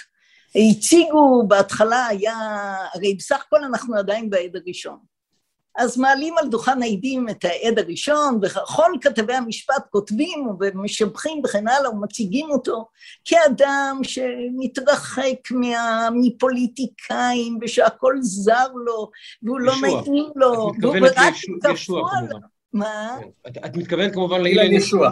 אילן ישוע, כן. כן. ורק כן. כפו עליו את העניין הזה של, הוא רק ציית להוראות של אנשים מטעם נתניהו, של אלוביץ', בני הזוג וכן הלאה.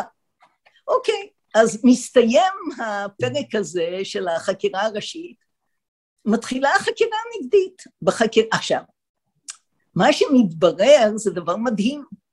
אה, בכל תיק פלילי חייבים להעביר ל... ל- לסנגוריה, וכמובן לנאשם, את כל חומרי התביעה. והנה מתברר שהעבירו חומרים, אבל הם, העבירו איזה שהם חומרים שדי תמכו כנראה בעמדת התביעה, בהצגה וכן הלאה, אבל עורך דין אה, ז'אק חן ראה שיש איזשהו מקום באקסל שהוא יכול ללחוץ על הסר סינון, בטל סינון, והוא לחץ על בטל סינון, ופתאום קפצו חומרים אדירים שבכלל לא נמסרו לידיהם, ואלה שימשו את כל החקירה הנגדית. עכשיו, מה שעלה מהחומרים האלה, וזה כנראה אפס קצהו ממה שיש, תכף נגיע גם לזה, מה שעלה זה שאילן ישוע בעצמו התקשר ועשה, ולא רק זה, אלא מי קיבל סיקור נפלא, ולעומת כן אה, בכלל 300 ומשהו המקרים האירוניה, נתניהו. כן. האירוניה, נפתח סוגריים, שישוע שהוצג כאדם א-פוליטי, מין כן. גוזל שנשבע פשוט בסיטואציה שהיא לא... אנחנו מבינים שהוא מדבר עם הרצוג על בסיס קבוע, עם ליברמן, עם אין ספור חברי כנסת ושרים, להוציא כן. אדם אחד, מר נתניהו. הוא דיבר עם נכון. כל הפוליטיקאים בישראל, חוץ מהנאשם, זה הכל. כן. עכשיו, ייאמן.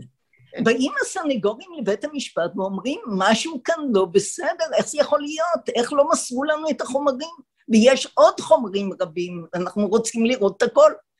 עכשיו, התשובה של הפרקליטות הייתה יותר מדהימה מהכל. הפרקליטות נתנה שלושה תירוצים. דבר ראשון, היא אמרה, הם בכלל לא חושבים שזה חלק קשור. מהעניין. לא רלוונטי, קשור. כן, לא רלוונטי. לא רלוונטי, והשופט יושב שם ואומר, אני לא מבין איך אתם מעלים על דעתכם שזה לא רלוונטי שהוא פנה לאחרים, הרי אם יש כאן היענות חריגה, אז צריך להשוות אותה למשהו אחר, חריגה ביחס למה? אז איך אפשר לא ל- לראות מה עוד שהחומרים בידיהם? דבר שני, התירוץ השני היה לא, זה לא אנחנו, זה המשטרה, אבל סליחה, הייתה פרקליטה מלווה. הגברת ליאת בן ארי הייתה פרקליטה מלווה של התיק, אז אי אפשר לומר זה המשטרה. ודבר שלישי, התירוץ עוד יותר גרוע מהעניין עצמו נראה, אה, שהם אמרו שהם בעצם ידעו שהחומר הגיע לז'אק חן, אבל הם החליטו לא לבקש אותו חזרה. סליחה? אתם החלטתם ביודעים לא לבקש חזרה, מה, מתוך תקווה שהוא לא יגלה את כפתור בטל סינון ולא ילחץ עליו במקרה ולא יגלה את כל החומר? עכשיו בית המשפט פסק שצריך לתת להם הרבה יותר חומר, ומאז הם דוחים ודוחים את המשפט, כי הם לא מספיקים והם לא יכולים ולא פה ולא שם. הרי בשעתו האשימו את ראש הממשלה נתניהו שהוא רוצה לדחות, הוא לא ביקש אף דחייה. הם מבקשים עכשיו דחייה אחרי דחייה. לא, ועכשיו עכשיו ישוע לדעתי בחודשיים חופשה מנסיבות אישיות, אני מקווה שהכל בסדר איתו ועם משפחתו ועם. בריאותו, רק בריאות שיהיה לו כמובן, אבל אם. נתניהו היה מבקש חודשיים בגלל סיבות אה, אישיות, המדינה הזאת הרי הייתה, עד היום היינו מריחים את הלהבות, את העשן של הלהבות שהייתה אה, עולה בהן. אני רוצה לצטט מפקד שלי בצבא, לגבי הפרקליטות. זה קשור, הוא אמר למשהו אחר. פעם אחת הוא תפס אותי באיזה טעות שעשיתי, איזה פשלה קטנה. והוא אמר לי, זה לא בסדר שלך. נדמה לי שנדב סיפרתי לך את זה, משפט שבסיפור שמאוד אוהב לספר. ואז אחרי איזה כמה ימים הוא תפס אותי שוב, ואמרתי לו, לא, תקשיב, הוא אמר לי, תראה, שי, אני אסביר לך איך זה עובד. פעם אחת, זה מקרה, קורה, קורה, אנשים טועים, קורה. פעם שנייה זה צירוף מקרים. פעם שלישית, זו שיטה. אנחנו כבר בשלב השיטה.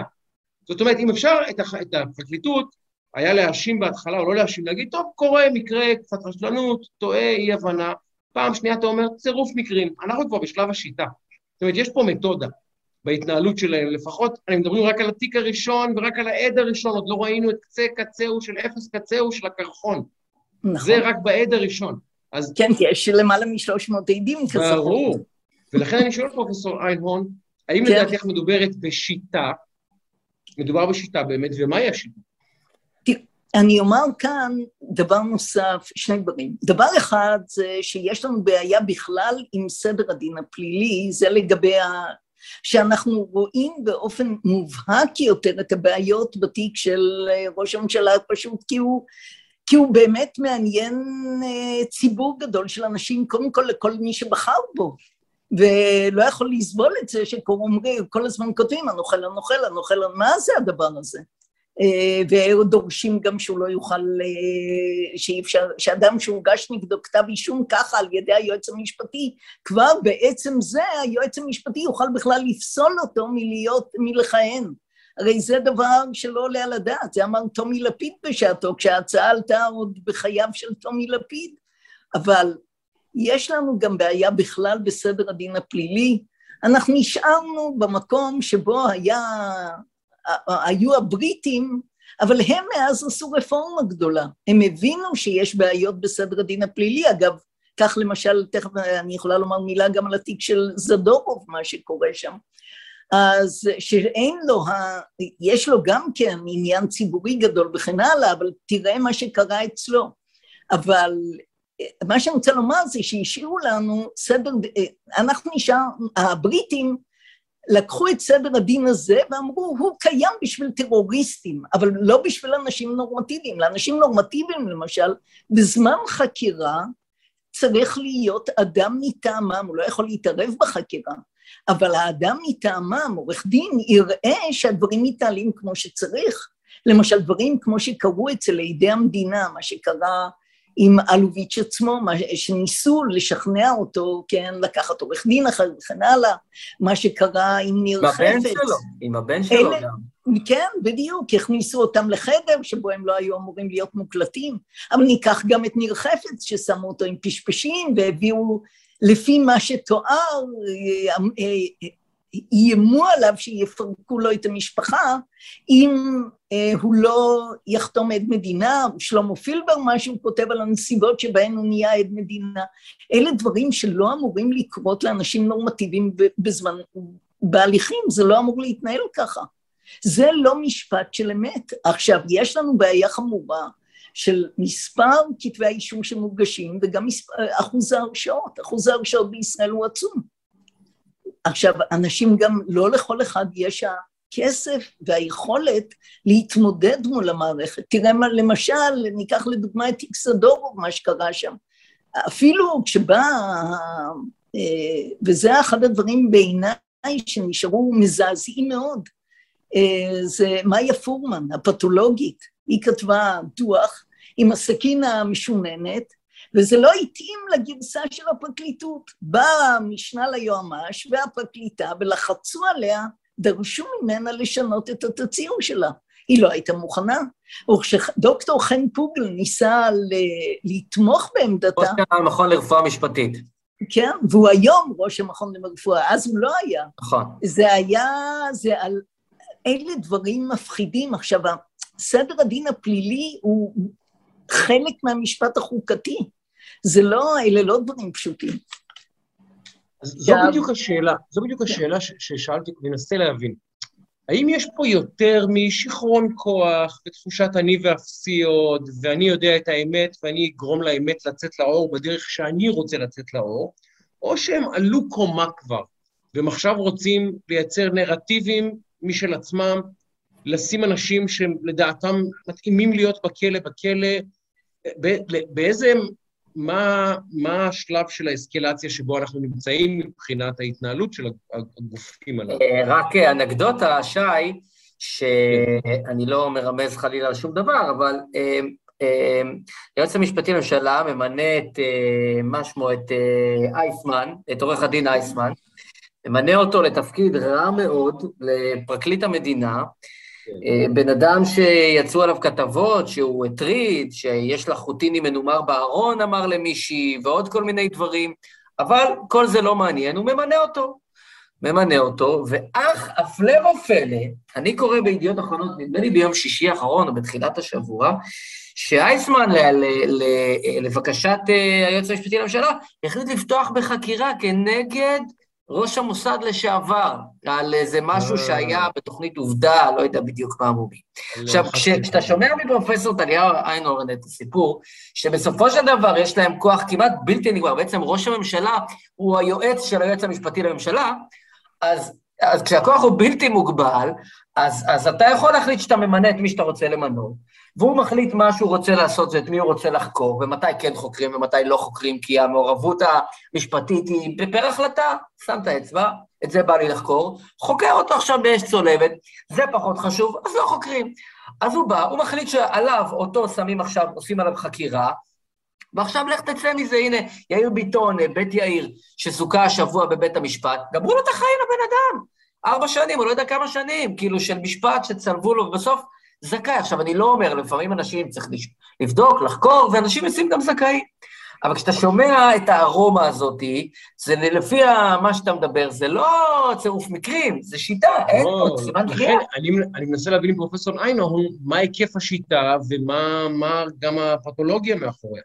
מה שאני רוצה לומר זה בעיקר להתייחס לעניין באופן מערכתי. הבעיה אצלנו מתחילה בכללי משחק לא ראויים. כלומר, עד שלא מתקן את כללי המשחק, לא יעזור דבר. אתה שם שופטים, נותן להם סמכויות, למשל, קובע שהם באמת יכולים לקבוע ביניהם מה שסביר, לא סביר וכן הלאה, שזה זה, לא, ההליך, ההליך לא תקין, אותו דבר סדר הדין הפלילי, ההליך לא תקין. אותו דבר הסמכויות של היועץ המשפטי. הסמכויות אינן תקינות. כל אדם כמעט שתשים אותו במקום הזה ותיתן לו סמכויות כאלה, אמ, קשה לעמוד ב... מה זה, אתה המלך. תאר לך שישימו לך כתר על הראש, ומחר, אני לא יודעת, יכול להיות שאישיותית לך לא מתאים, אבל ישימו לך. כתר על הראש ויגידו לך, מה שאתה קובע זה מה שיהיה. עכשיו, צריך להגיד, עכשיו לא רק זה, לבתי המשפט אצלנו בכל התחומים, אגב, גם באזרחי וגם בפלילי וגם גם בוודאי במינהלי וחוקתי וכן הלאה, יש שיקול דעת, וגם ליועץ המשפטי יש שיקול דעת רחב ביותר. למשל, אני מסתכלת באנגליה בסדר הדין האזרחי, אז יש להם כמובן הרבה יותר הוראות, אבל לכל הוראה יש גם practice direction שאומר לשופט בדיוק איך להכיל את שיקול הדעת שלו. עכשיו, אה, אותו דבר בחקיקה אצלנו, בכל מקום שיש שיקול דעת צריך לקבוע את אמות המידה להפעלת שיקול הדעת. אתה יודע מה, ניקח עוד דוגמה מהתיקים של אה, אה, ראש הממשלה נתניהו, הרי הוציאו סכומים דמיוניים כדי לשלוח את המשטרה וכן הלאה בכל העולם. האם אין מגבלות תקציביות על דברים כאלה? אתה שואל את עצמך, אם יש שיקול דעת, למי יש שיקול דעת להחליט לצאת במסע ציד, דייג, זה, זה דבר שהוא לא סביר כשלעצמו. ואת יודעת שזה זה, זה מחלחל, סליחה, זה מחלחל גם בסוף לפרקטיקה גם במשטרה, הרוח המפקד הזה. כשאתה מסתכל על מה שקרה עם יועצי נתניהו, ואיך הולכים ולוקחים אותם לאוטו, ותביא את הטלפון, ולוקחים את הטלפון ומסתכלים, זה דברים שהוכחו, אני לא יודע מה לא הוכח. ולוקחים את הטלפונים ומראים, אז אין לזה סוף. אז, אז, אז בסופו של דבר, אה, בקצה של העניין, זה בא לידי ביטוי לא רק, את מדברת על, ה, על, על המקרו. אני חושב שזה בא לידי ביטוי גם במיקרו, בהרבה מאוד אירועים, רק מה שאנחנו יודעים, אני אומר, מה אנחנו לא יודעים? תראה, אני אתן לך עוד דוגמה, אפילו יותר חריפה, כל העניין של חילוט נכסים. מגישים נגד אדם, אפילו כבר בתקופת המעצר, אבל בוודאי כשמגישים נגדו כתב אישום, מחלטים רכוש, כהנה וכהנה וכהנה. למשל, אלוביץ' ביקש איזה סכום לקיומו החודשי, אמרו, זה יותר מדי בשבילך. עכשיו, יש על זה, נעשה תחקיר בגלובס, שאמר כמה מהכספים האלה בסופו של דבר צריכים להיות מוחזרים, ומתברר שפשוט מחלטים בלי גבולות, מעמידים את האדם במצב, וגם הייתה תוכנית פעם אצל איילה חסון, דיבר אדם שאמר שבעצם השאירו אותו בלי אמצעים לקיום, בזמן שהוא אמור לנהל משפט. מדהים. עכשיו, אלה דברים שהם, זה, אין בעולם המשפט אלוהים או השטן, ולעניות דעתי שניהם נמצאים בפרטים.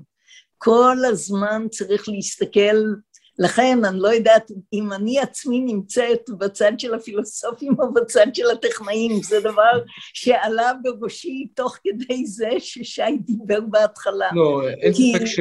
אין ספק שמוסרית את פילוסופית, אין שאלה, יש לך, אה, המוסר שלך הוא מוסר שיש בו מרכיבים פילוסופיים עמוקים, שאותם את ל, לזה, אבל אני מנסה אבל להבין... אני אף פעם לא מורידה את העין מהפרטים הקטנים ביותר, ואגב, גם בזה היו לי מורים טובים. כלומר, כשאני מסתכלת על מנחה הדוקטורט שלי, שהוא באמת אחד מגדולי המשפטנים של האיחוד האירופי בכלל, הוא כתב את דיני התחרות לקהילייה האירופית, אבל כשבאתי אליו לעשות דוקטורט, הוא לא היסס להוציא בעצמו את התקנון של האוניברסיטה ולבדוק בשורות הקטנות מה אפשרי אם, ומיד טיפל, כי התברר שכדי לכתוב את הדוקטורט באנגלית צריך אדם נוסף שיסכים, אז מיד יתקשר לבדוק אם יש כזה. כלומר, גם אם אתה עומד בפסגה, הוא היה מנהל מכון מקס פלנק וכן הלאה, חשוב מאוד תמיד לא לאבד את ההסתכלות על הפרטים הקטנים ביותר. אגב, כן. שי, יש לך פה תחרות רצינית מאוד בנושא של הספרים ברקע. כן, אני לא, חושב-. אני חושב שזו פעם ראשונה שיש פה fight בספרים ברקע, חביבי. לא, אני, אני גם יוצא לי לשוחח עם הרבה סופרים בסדנאות שאני מעביר, ויש לרוני סומק, באמת, אה, זה לא קיר, לא יודע אפילו מה זה הדבר הזה, מלא ספרים, זה משהו, לא ראיתי דבר כזה בחיים, אלפי ספרים. אני רוצה אבל לשאול אותך, תראי, אגב, זה הכל כפול מאחורי הגב, וזה כמובן רק. חלק קטן מהספרייה. אגב, גם אצלי זה רק ספרייה אחת משלוש שיש, אז כאילו, כן, יש, לי. יש לי עוד שתיים כאלה, פזורות בבית. אבל כאן מאחורי מבין? כל ספר יש עוד אחד, כן. אתה מבין? ואני, יש לי וויסקי מאחורה, אתה מבין? כל אחד. לא, לא, זה אני מנ- בסדר. אני מנסה להבין, הרי כן. אסכולת הקול שפיט של ברק, כשאני למדתי משפטים, כבר התחילו להטיל בי- ביקורת בעניין הזה. אה, היו משפטנים, כולל משפטנים בכירים, שאמרו, רגע, מה זה הקול שפיט הזה? אני לא בטוח. עכשיו, זה דבר שכבר 30 שנה אני ער לו.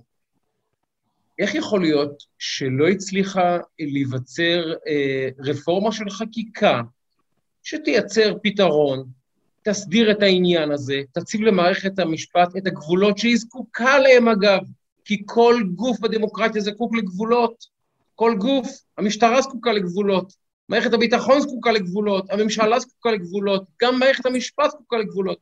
איך יכול להיות שמערכת הכנסת, סליחה, שהמערכת המחוקקת, בעצם לא לקחה לעצמה את הסמכות להציב לבית המשפט את הגבולות שהוא חייב ל- ל- לפגוש?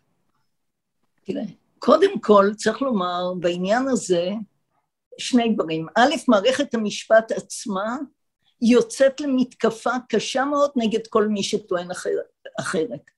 ובאמת, זאת, זה, כל דבר, כל ביקורת כזאת, זאת מערכת שלא מקבלת ביקורת. אתה יודע מה, אני אספר לך.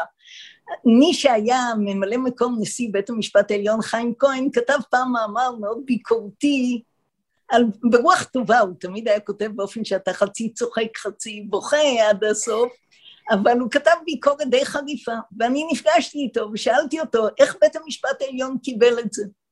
והתשובה שלו הייתה, הם קיבלו את זה רע, הם לא גדולים מספיק. עכשיו, המערכת לא מקבלת ביקורת ברצון, ואני אתן לך אגב ראייה לזה. פעם כשאני למדתי משפטים, בכל כתב עת משפטי היה חלק שנקרא הערות פסיקה. כלומר, ביקורת על פסקי דין של בית המשפט. זה נעלם. עורכי דין לא רוצים לכתוב וגם לא, משפ... וגם לא מרצים באוניברסיטה. לא כמעט, לא נכון לומר שלא כותבים בכלל, אבל בוודאי לא בכמות שצריך לכתוב, בוודאי לא, בוודאי לא כפי מה שאני רואה בכל הדמוקרטיות המערביות, ואגב, זו הדרך היחידה לקדם את מערכת המשפט. אי אפשר לקדם את מערכת המשפט בלי שתהיה ביקורת. צריך להבין גם את העניין של חקיקה. חקיקה בסופו של דבר לא מכסה אף פעם את כל המצבים, תמיד זה בעל קטגוריות וכן הלאה. היתר צריך להיות נתון לפיתוח של בית המשפט, אבל איך בית המשפט יפתח? הוא צריך בסיס אקדמי חזק מאוד, שכל הזמן, בוודאי במדינה קטנה, ואנחנו בהחלט מדינה קטנה ולא, אין מסה קריטית מספיק גדולה של מקרים, וכך יוצא שגם בעיות, גם כשהן מגיעות לבית המשפט העליון, אז מסתכלים ואומרים, אה, 15 שנה עוד לא החליטו, נו, אז נשאיר את זה בצריך עיון ל-15 השנים הבאות, מה עוד שהם עסוקים הרבה יותר בבג"צים. עכשיו, יש עוד בעיה, זה התקשורת. התקשורת יוצאת בחמת זעם נגד מי שמותח ביקורת על המערכת כפי שהיא קיימת. אם התקשורת הייתה נותנת רוח גבית למבקרים, כפי שהיא נותנת ביקורת, אה, רוח גבית למערכת המשפט, העולם היה נראה אחרת לגמרי. אני בטוחה שמערכת המשפט גם כן מושפעת מביקורת, אבל זאת צריכה לבוא מאיזשהו מקום. אבל. הנה, את רואה, את רואה עכשיו, אני קראתי ממש בימים האחרונים את uh, רביב דרוקר, שכותב טור, שאומר uh, שנתניהו צריך לחתום על עסקת טיעון עם uh, מנדלבליט. ואז אה, מישהו העלה כמה פעמים פרסמו, אה, ומעניין מי מתדרך, בסוגריים, אולי מנדלבליט, אולי, לא יודע, אה, מתדרך אה, שנתניהו, זה בדיוק הזמן האחרון שלו לחתום עסקת טיעון עם מנדלבליט, ואתה רואה כתבים שממש, אני לא רוצה להיכנס לשמות בעניין הזה, כמעט מדבררים את מערכת המשפט, זאת אומרת, זה, זה קלט פלט, פעם היו אומרים על כתבים צבאיים שהם מדבררים את צה"ל. זה כאין וכאפס לעומת הקלט פלט הזה, שזה פשוט, אתה, אתה רואה איך זה פשוט מדבררים אחד לאחד, לא שואלים שאלות, לא, ואז כשאין ביקורת, אנחנו אומרים, לא, אבל צריך לבקר, וצריך הכל, שום דבר, אף אחד, אין פרות קדושות, ואני בתחושה שהקשר הזה, תקשורת משפט, התקשורת עדיין משמרת, כמובן לא במקשה אחת, אבל בנרטיב המרכזי, את הדבר הזה כפרה קדושה, ולכן הם מרשים לעצמם. אז אני, אני אפתח סוגריים ואגיד רק משפט אחד ואז ניתן לטליה להשלים. אני הייתי בתקשורת הרבה שנים, אני מכיר את כתבי המשפט. אני שמעתי אותם מדברים גם איתי וגם במערכות וגם בחדרים סגורים על שופטים, ויש שם יראת קודש כלפיהם. הם לא יכולים לסקר אותם כי הם מרגישים יראת קודש כלפיהם. כמו שאתה, אגב, להבדיל אלפי הבדלות, אני אגיד לך, תעשה עבודה עיתונאית רצינית על אלי אוחנה. ותגיד לי, שי, לדעתי אני לא מתאים לתפקיד, אני פשוט אוהב מדי את האיש. אני מעריץ אותו כל כך, שאני לא חושב שאני יכול לעשות עבודה עיתונאית ישרה. אמת. הוגנת. אמת. עכשיו, חלק מהאנשים האלה לא רוצים לנקוב בשמות, כי אז זה הופך להיות פרסונלי. אני, ואנחנו רואים אותם על המסכים ערב ערב, הם מעריצים את האנשים האלה ואת האדמה שהם הולכים עליה. הם חושבים שהם uh, מתת uh, הקדוש ברוך הוא למין האנושי, וככה הם גם מסקרים אותם. וחברים, זה לא רציני, זה לא עיתונות. והנרטיב הזה משמר את עצמו באמצעות אה, מעריצים שוטים של אה, שופטים שמורמים מעם, מורמים מעם, וזה מדאיג מאוד, מדאיג מאוד. אבל הנה, הכלבים, הכלבים נובחים, ו... השיירה... כן, זה אפילו לא שלי, זה של השכן. כן. אה, תראה, זה נכון, כדי לסקר צריך איזשהו מבט תראה, אפשר לומר שלי היה מזל מסוים. בעלי נשלח בשעתו על ידי IBM לדנמרק, וכך התגלגלתי לעשות דוקטורט בהמבורג. עכשיו, התוצא... נפקחו לי במידה רבה עיניים תוך כדי העבודה, כי, טוב, הייתי חייבת ללמוד כל מיני שפות זרות וכן הלאה, על בוריין, כן, לא ידעתי בהתחלה גרמנית מילה, אבל אה, העניין הוא שכשמתחילים להסתכל במבט השוואתי, נהיים הרבה יותר צנועים. כלומר, מהרגע שאתה מסתכל מה קורה במקומות אחרים עכשיו, קשה אולי לבוא בתלונה לכתבי משפט שמעולם לא ראו דבר אחר, שתמיד אמרו להם, אומרים להם בכל יום, שמה שיש לנו זה הכי טוב שיש והכי נפלא וכן הלאה. שבמציאות מי שיוצא החוצה הוא מסתכל, אבל לא צריך דווקא לצאת החוצה. האמת שגם היום, גם בארץ, יש מספיק משפטנים טובים שרכשו את ההשכלה שלהם פה ובחלקה בחוץ, ואפשר היה להביא אותם, אבל אמצעי התקשורת לא מביאים אותם, לא נותנים להם קול. כלומר, במקום להסתפק בכתב כזה או אחר, שאומר מה שקורה זה הכי נפלא והכי טוב והכי יפה, אלא מדוע לא מביאים במידה שווה, כלומר יש פה ושם תוכניות שמשתדלות לאזן, כמו למשל התוכניות של איילה חסון, שבהן יש, היא משתדלת להביא מכל הצדדים אנשים, שזה האורחים, כן, אבל רוב התוכניות זה אין שום איזון, אין, לא מביאים כנגד הכתבים האלה אנשים שיבטאו דעה שונה. אגב, במיוחד צריך לומר, לחזור, אחד הלקחים של משפט נתניהו צריך להיות א', לגבי מה שקורה בסדר הדין הפלילי בכלל, מה קורה לאנשים שאין להם עורכי דין כאלה, אבל הדבר השני זה הליווי התקשורתי.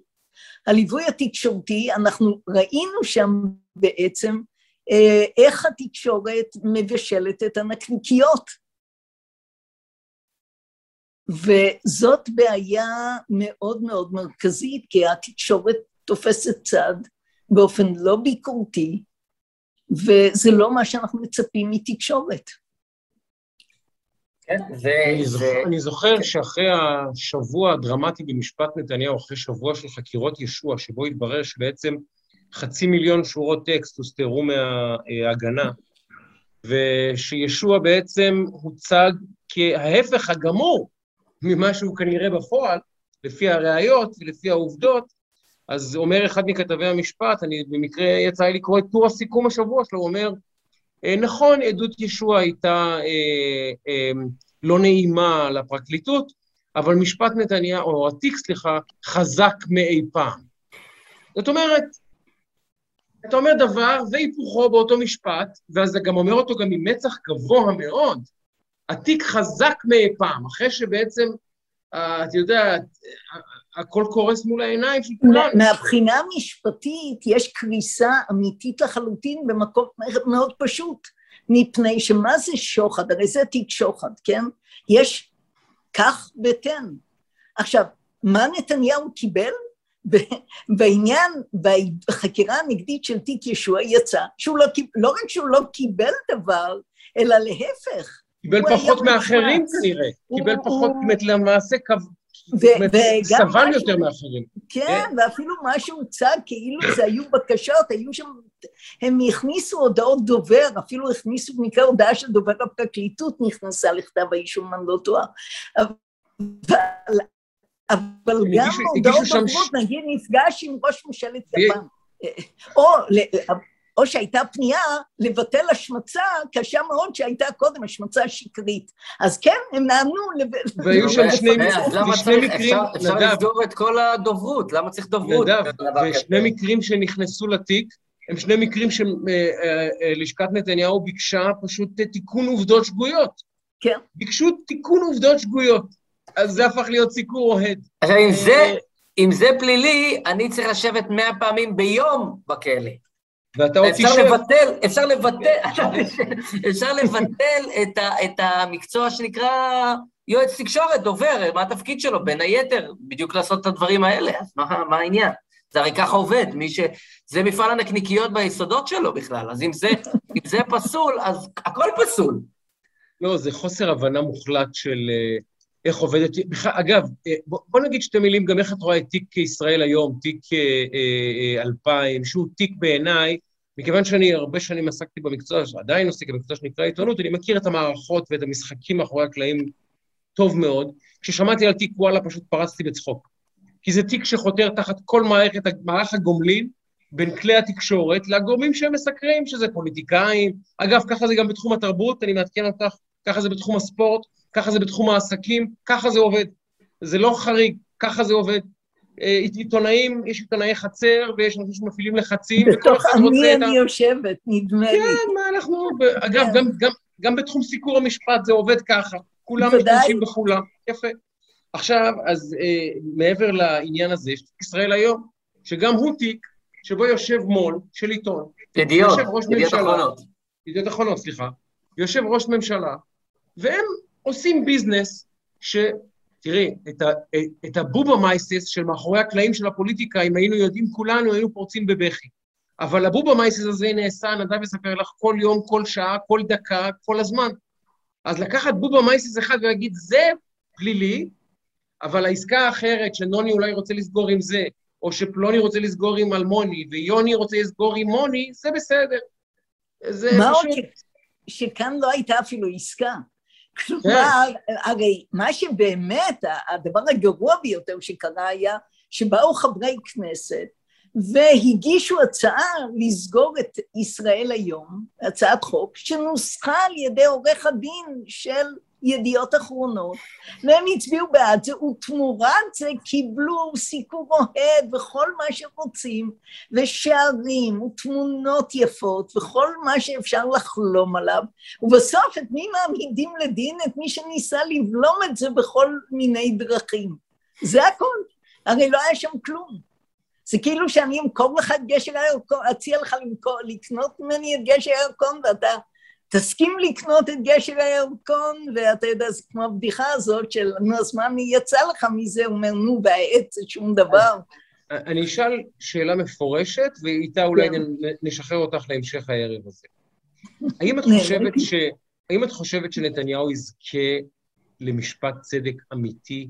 הרי אנחנו יודעים שזה צריך עוד להסתיים במחוזי, ואז כנראה שזה יגיע לערעור, כי המדינה תהיה חייבת לערער, וברור שנתניהו אה, אה, יורשע, הוא יערער. זאת אומרת, אנחנו נלך לסבב של עוד כמה שנים באירוע הזה. אני חושבת שבסופו של יום זה יסתיים במשפט צדק אמיתי, בלי קשר לתוצאה שלו, שיהיה הליך שיאפשר לנתניהו את הצדק. אתה יודע, כשהייתי עורך, סטאג'רית צעירה, התנהלה בוררות, הבורר היה דוקטור רוטנשטייך, והיו עורכי דין נפלאים משני הצדדים, ואחד מעורכי הדין הביא מומחה, עד מומחה, פרופסור מהטכניון. שאלה ראשונה, אינני יודע, זה לא בתחום מומחיותי. שאלה שנייה, אינני יודע, זה לא בתחום מומחיותי. וכך, אחרי חמש-שש שאלות כאלה, אמר הדוקטור רוטנשטייך, תראו, במה שהעד איננו יודע, אני יכול למלא אנציקלופדיה בריטניקה, אולי תעברו למשהו שהעד כן יודע.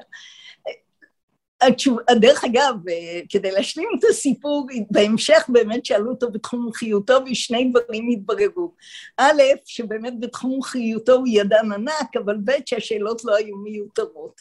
אבל גם כאן השאלה לא מיותרת, אבל באמת באמת שהיא לא בתחום מומחיותי. אינני בוחנת כליות בלב, אין לי מושג מה יקרה הלאה במשפט. אני לא מסוגלת להעלות על דעתי, אני לא מבינה איך בכלל הוא ממשיך להתנהל. כלומר, לא בית המשפט, בית המשפט לא יכול בארץ, בשיטת המשפט הישראלית, לומר, היי, אה, עוצרים.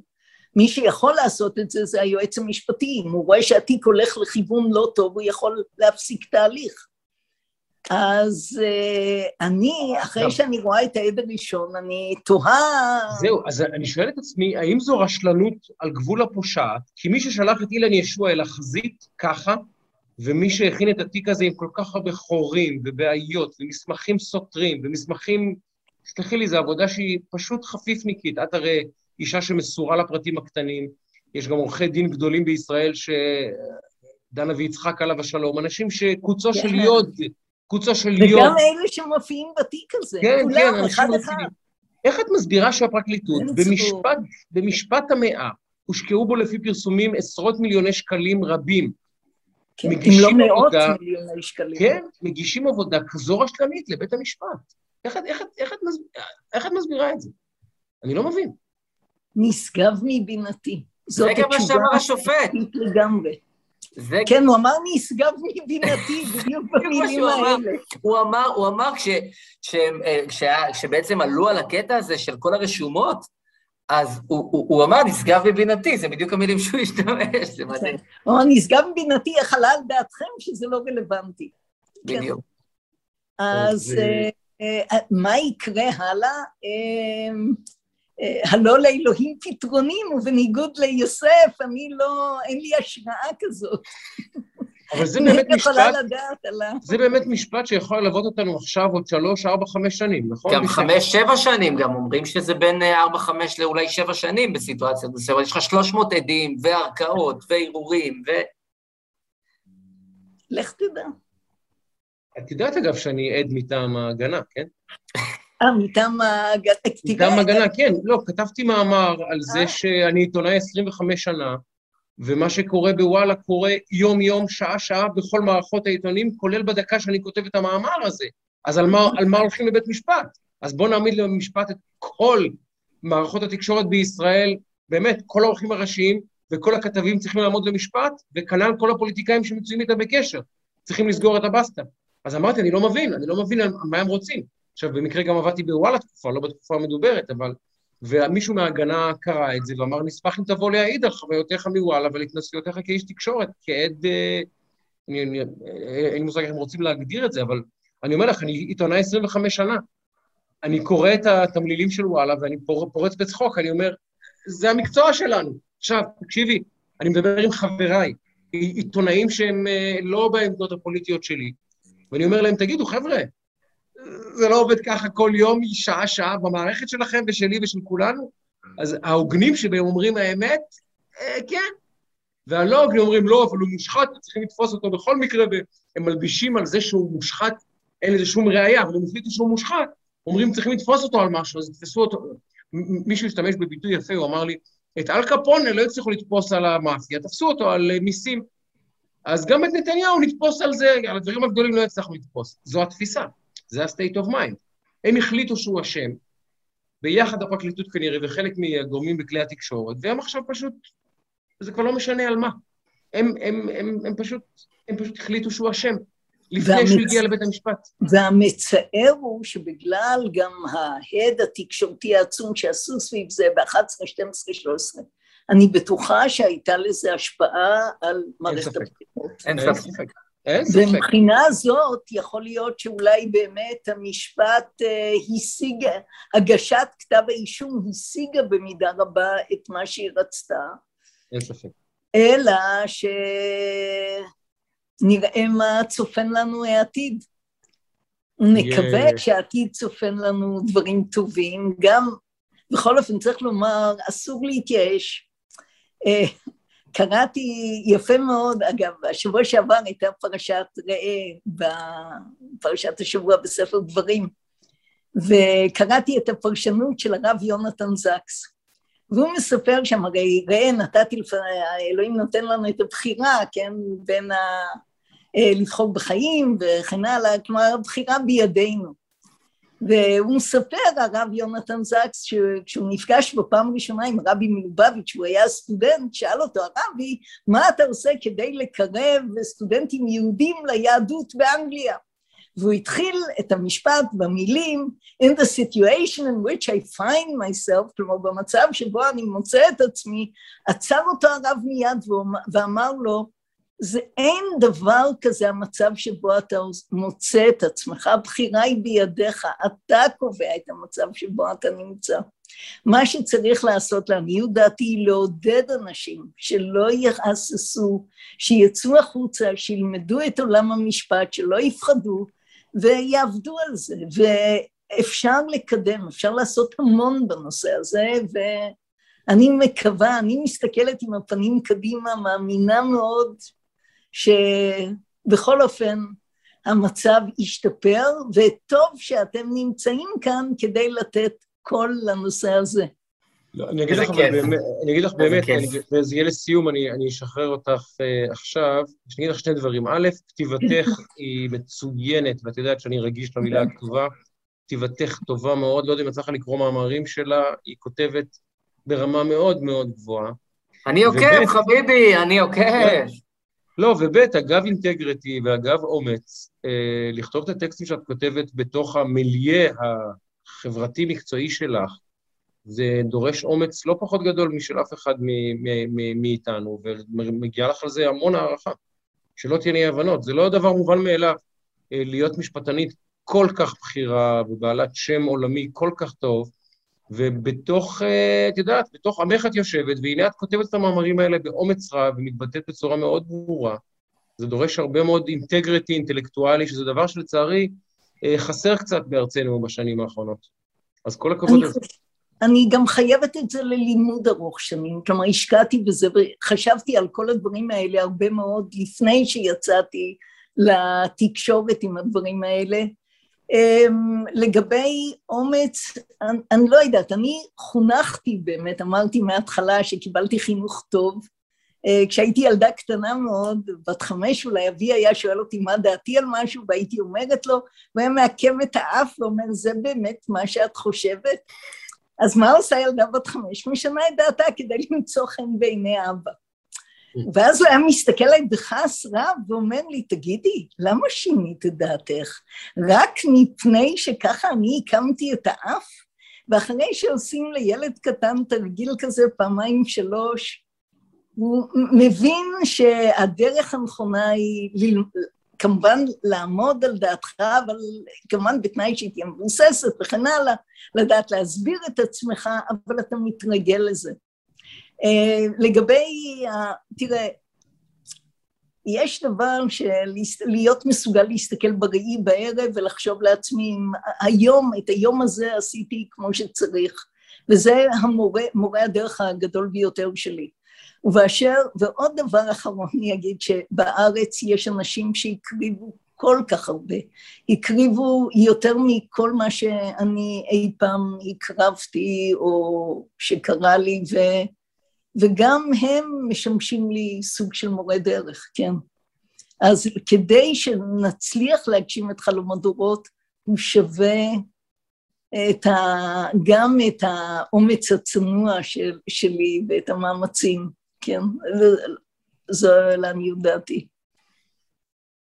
שמע, שייקה, אני למדתי פה שיעור, רק שתדע לך. לא, אנחנו, אנחנו זכינו, אנחנו זכינו, ואני אגיד לך גם שזה לא שכיח בשיח הישראלי, אנחנו מנסים, נדב ואני, לעשות את זה כל שבוע, בשיח הישראלי לנהל שיחות עומק שיש להם מרחב נשימה ו- ואורך, ו- ובאמת יכולת לנהל קשב גם מורכב יותר. וזכינו, זכינו בך לארח אותך, וזכינו בשיחה הזאת, אז תודה לך, לאה. באמת. הזכייה היא הדדית, אתה יודע, כתוב במשלי, כמים הפנים לפנים, לב האדם לאדם. יש שיקוף, ואגב, זה גם קראתי אצל חב"ד, למה כמים? הרי אפשר היה ראי. אבל כמים זה כי כשאדם, הוא צריך להתכופף, רק כשאדם מתכופף כדי לראות את ההשתתפות, אז הלב הוא גם לב האדם לאדם. ואני כל כך מודה לכם, זה אני זאת שחייבת לכם תודה שנתתם לי פתחון פה חשוב כל כך, ואני כמובן גם מעריכה מאוד, יש לך כתיבה נפלאה. מזלו של עם ישראל שלא בחרת במשפטים, למרות שאני משוכנעת שגם היית עושה עבודה. זה רווח אבסולוטי לכל כך הרבה תחומים ואנשים שבחרתי דווקא בתחום הזה. אה, פרופסור אה, טליה איינהורן, המון המון המון תודה, ודש תסרו לי בבית, שתהיו לי תודה רבה, תודה, תודה. זה חיבור גדול, ותודה רבה, אה, טליה, תודה רבה על הזמן, זה היה מחכים, מרתק, ולא מובן מאליו, אז המון המון המון תודה רבה. כן, ואת אה, תופתעי, אני מניח, לגלות כמה תגובות תקבלי על זה, כי יש הרבה מאוד אוזניים ועיניים לפודקאסט הזה, אז את, אה, מה שנקרא, על בשרך תזהי זאת, אני מעריך כבר. אגב, אני עוקבת אחרי הפודקאסט שלכם, והוא נפלא, כל אחד מהם. באמת, כל הכבוד לכם. איזה כיף, איזה כיף, לכבוד הוא לנו, ובאמת, באמת, תודה רבה על הזמן, ובאמת על המילים החמות, תודה רבה על הכל, טליה, תודה רבה. תודה רבה לכם. תודה. לילה טוב. לילה טוב. שייקה, זה, זה באמת אה, הייתה שיחה ממש ממש מאלפת ומרתקת. אה, אני מאוד מאוד נהניתי, ובאמת זה היה ממש מחכים ובמקום, ואני חושב שכל מי שיאזין ויצפה, אה, מה שנקרא, יקבל פה insights ש... שלצערנו לא שומעים יותר מדי. זאת אומרת, זה, זה גם, גם מה שדיברת על האומץ וגם על ה... על התפיסה והביטוי, כמה זה חשוב? אני חושב שמה ש... מה שקורה בשנים האחרונות, ושמת על זה את האצבע לפני אה, כמה דקות, מערכת המשפט הייתה באמת במגדל השן, רחוקה, איש לא יכול היה לשאת אליה עיניים, כי אף אחד לא הבין על מה הם מדברים שם. מי ידע בכלל להבין משפט מדברים שכתב uh, מישאל חשין, שהיה אגב כותב מחונן גם כן בעצמו, ז"ל, עליו השלום כמובן, או אהרון ברק, ייבדל לחיים הארוכים. אתה קורא פסקה של ברק, אם אתה לא בתחום, אתה לא מבין מה הוא אומר שם בכלל, זו עברית uh, שהיא כמעט סתומה לאנשים. והנה, בשנים האחרונות, יש איזו, בגלל העניין פוליטיז, פוליטיזציה של מערכת המשפט, ופוליטיזציה בכלל של החיים בישראל, והתפקיד שמערכת המשפט לוקחת על עצמה, אתה רואה דבר מרתק, והוא שיותר ויותר אנשים מתבטאים בענייני משפט, אה, הם מתחילים להתעניין בנושאי משפט, מתחילים לקרוא ענייני משפט, הם בטח לא מתקרבים לקצה, קצה, אה, קצה הציפורת של פרופסור איינהורן, אבל זה כבר לא, נקרא לזה שהממוצע הישראלי כבר מסוגל לשמוע שיחה כמו שניהלנו עם פרופסור טליה איינהורן ולהגיד, אוקיי, זה לא ג'יבריש, זה לא סינית, אני מבין מה נאמר פה. אז חלק מהטרמינולוגיות לא מוכרות, חלק מהמונחים לא מובנים, אבל אתה מבין את השיח. בעבר, אם היינו יושבים שיחה כזאת, מנסים לנהל לפני 15 שנה, אני מניח שהרבה הרבה הרבה פחות אנשים היו מסוגלים בכלל לגשת אליה, ולהבין בכלל מה המהות שלה, כי הייתה נשמעת שיחה רק ליודעי חן. אגב, אני חושב, אני חושב אגב ש, שהמשפט נתניהו במובן הזה, מתוך שלא לשמה, נכון. הציף את הנושא הזה באופן כזה שכבר אנשים שהם גם לא בתוך הלופ ולא למדו משפטים ולא... זאת אומרת, גם ברדאר, העניין הוא כזה שזה כבר, אוקיי, אני רוצה להבין על מה מדברים, כי כולם כבר מדברים על זה, והתקשורת עוסקת בזה, ואתה רואה כל מיני קלמן ליבסקין וכאלה שהם, אתה יודע, נכנסים לעובי הקורה, ואז אתה מתעניין, אתה פותח את הראש, אז כאילו פתאום נהיה עניין בנושא, אז זה לא נהיה רק משהו של ענייני טעם, מה שנקרא. אני חושב שמה שקרה, ואני רואה שפרופסור איינהורן איתנו והיא רוצה עוד להגיד משפט, אז אני אגיד ואז ניתן לה לומר, אני חושב שמה שקרה זה שאהוד ברק אה, בנה עץ. לא אהוד ברק. אה, סליחה, אהרון ברק, סליחה. אהרון ברק. אהוד ברק... אהוד ברק אה, בנה עץ, אז אהוד, סליחה, אהרון ברק שתל עץ, עץ לא בונים, עץ שותלים, כן. שתל עץ, והעץ גבה, גבה, גבה והעמיר, ועל העץ הזה טיפסו הרבה מאוד אנשים. והם עכשיו עלו עליו קצת גבוה מדי, והם לא יודעים איך לרדת. הם פשוט לא יכולים כבר לרדת, כי הם טיפסו גבוה מדי על העץ שבנה ברק, ועכשיו מישהו צריך לעזור להם לרדת. אם זה בחיוך ובהבנה ובטוב, או אם זה בדרך חקיקה. כי הם עלו גבוה מדי על העץ הזה שבנה ברק, אה, סליחה, ששתל ברק, והגענו לנקודה שבה מישהו צריך להוריד אותם מהצמרת, מישהו. או, או, בר, או ברצון יעשו את זה, או שהחוק צריך לעשות את זה, אבל זה לא יכול להימשך ככה. כן, פרופסור איינהון, מה רצית לומר? אה, טוב, קודם כל, מהדבר האחרון, בוודאי שצריך לעשות את זה בחקיקה, מפני שחקיקה חייבת לקבוע את המסגרת. אבל מה שרציתי לומר זה שאני זוכרת את בית המשפט בשנים הרבה יותר מוקדמות לפני אהרן ברק. ובאמת בית המשפט עסק בנושאים משפטיים, הוא פתר סכסוכים, וזה היה התפקיד שלו, והוא לא ראה את התפקיד שלו בשום מקום אחר. והלוואי שנחזור לימים ההם.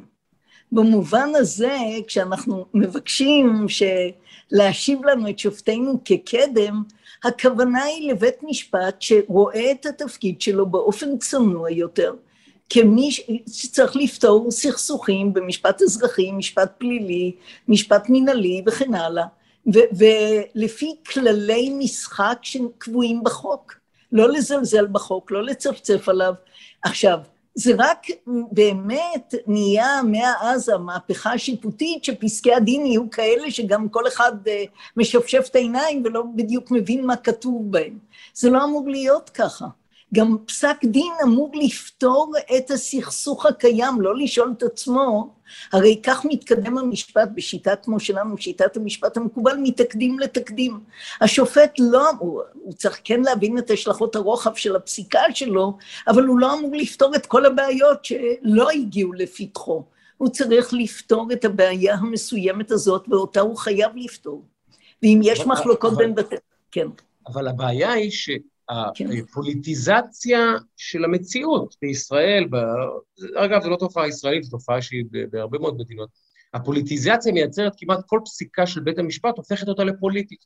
כלומר, גם אם אני בא, נגיד, אני ונדב מצויים בסכסוך על, אה, אני לא יודע מה... אה, אה, על חולצת היומבו המרגשת שלך. לא, אפילו משהו קטן, אנחנו מצויים בסכסוך על איזשהו ילד שאנחנו רצינו, ששנינו אימצנו, ואנחנו רוצים עכשיו להיפרד, ויש לנו משפט שלמה קלאסי. זה פתאום הופך להיות משפט על מגדר, משפט על גברים ונשים, אמרנו, משפט על מעמדות, משפט על זכויות אדם. זה פתאום סוגיה של סכסוך ביני לבין אדם, על מי מחזיק, עזוב ילד, בכלב שיש לשנינו, הופך להיות סוגיה פוליטית, ממש פוליטית. ובית המשפט, הוא במקום להתרחק מהסוגיות הפוליטיות, הוא להפך, הוא, נדמה לי שהוא נהנה לבחוש בהן ולשחות בהן.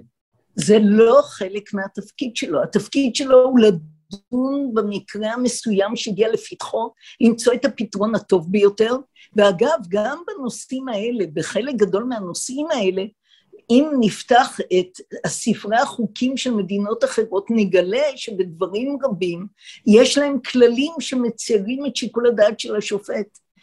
עצם שיקול, שיקול הדעת הרחב מאוד שניתן לשופטים שלנו בשורה ארוכה של נושאים, הוא כשלעצמו בעייתי, ואת זה צריך להבין, כי זה מייצר גם את האיפה ואיפה. שאם נפלת לשופט א', תקבל תוצאה א', ונפלת לשופט ב', תקבל, וזה הכל לפי ארוחת הבוקר, מצב הרוח וכן הלאה, זה לא יכול להיות. אתה את יודע מה, אני אתן לך דוגמה פשוטה. עקרון תום הלב. עשו, אמרו לנו שלקחו, לקחנו את זה מהמשפט הגרמני, ובתי המשפט בישראל כל הזמן מעסיקים את עצמם, מי הצד תם הלב? מה מתברר? כשלומדים באמת את המשפט הגרמני, מגלים שם ששם עקרון תום הלב הוא מצומצם מאוד, הוא מופיע באחוז קטנטן של המקרים, ורק במשפט אחד, נגיד, בדרך כלל המוציא מחברו עליו הראייה, התובע צריך להוכיח, אבל מה לעשות אם בידי הנתבע כל הראיות? כותב בית המשפט, העמידה של הנתבע על העיקרון שהתובע צריך להוכיח כשהוא מחזיק את הראיות, היא מנוגדת לעקרון תום הלב. אז זה שימוש מאוד מאוד צנוע. בית משפט שם לא היה חולם להגיד, אה, הצד הזה לא כל כך תם לב, הצד הזה כן תם לב, ואני אשים אותם על המאזניים ואני אחליט. אין דברים כאלה. אף בית משפט לא עוסק בזה בעולם, בדברים האלה. ובתי המשפט שלנו, עוד דבר, הפכו אותם למנהלי סכסוכים את השופטים, במקום ליוסטיציה במיתולוגיה היוונית. יש לה חרב ביד, יש לה שני דברים חשובים, שלושה. אחד, עיניה מכוסות, רעולות, כדי שהיא לא תראה שום דבר שלא רלוונטי לתיק, שהיא דנה בו, דבר שני, יש לה מאזניים, מאזני הצדק, ויש לה חרב כדי לחתוך את הדין. עכשיו, את הדברים האלה צריך להחזיר אלינו, כדי, ובאמת אז עולם המשפט ייכנס למקום הראוי לו, והוא לא צריך להפוך לעניין פוליטי שכל העולם מתעניין בו ומתעסק בו וכן הלאה. זה... גם לחלוטין. אה, חברים, אנחנו נכנוס את האירוע הזה.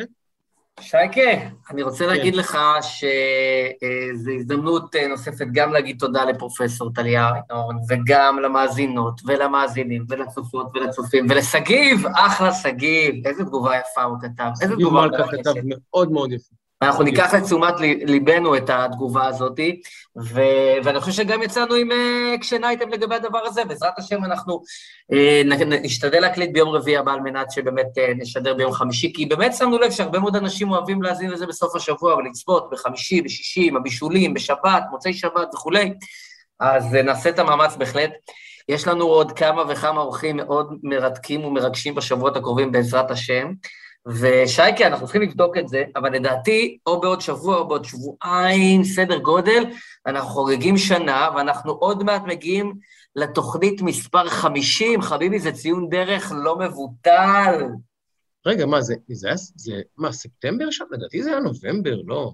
לדעתי זה היה אוגוסט. כן? כן. אבל אני אבדוק את זה, ואני בשבוע הבא אחזור אליך עם תשובה, מה אתה אומר? יודע מה? אני אסתכל על קבוצות הוואטסאפ, מתי הוא נוסדה, זה די פשוט.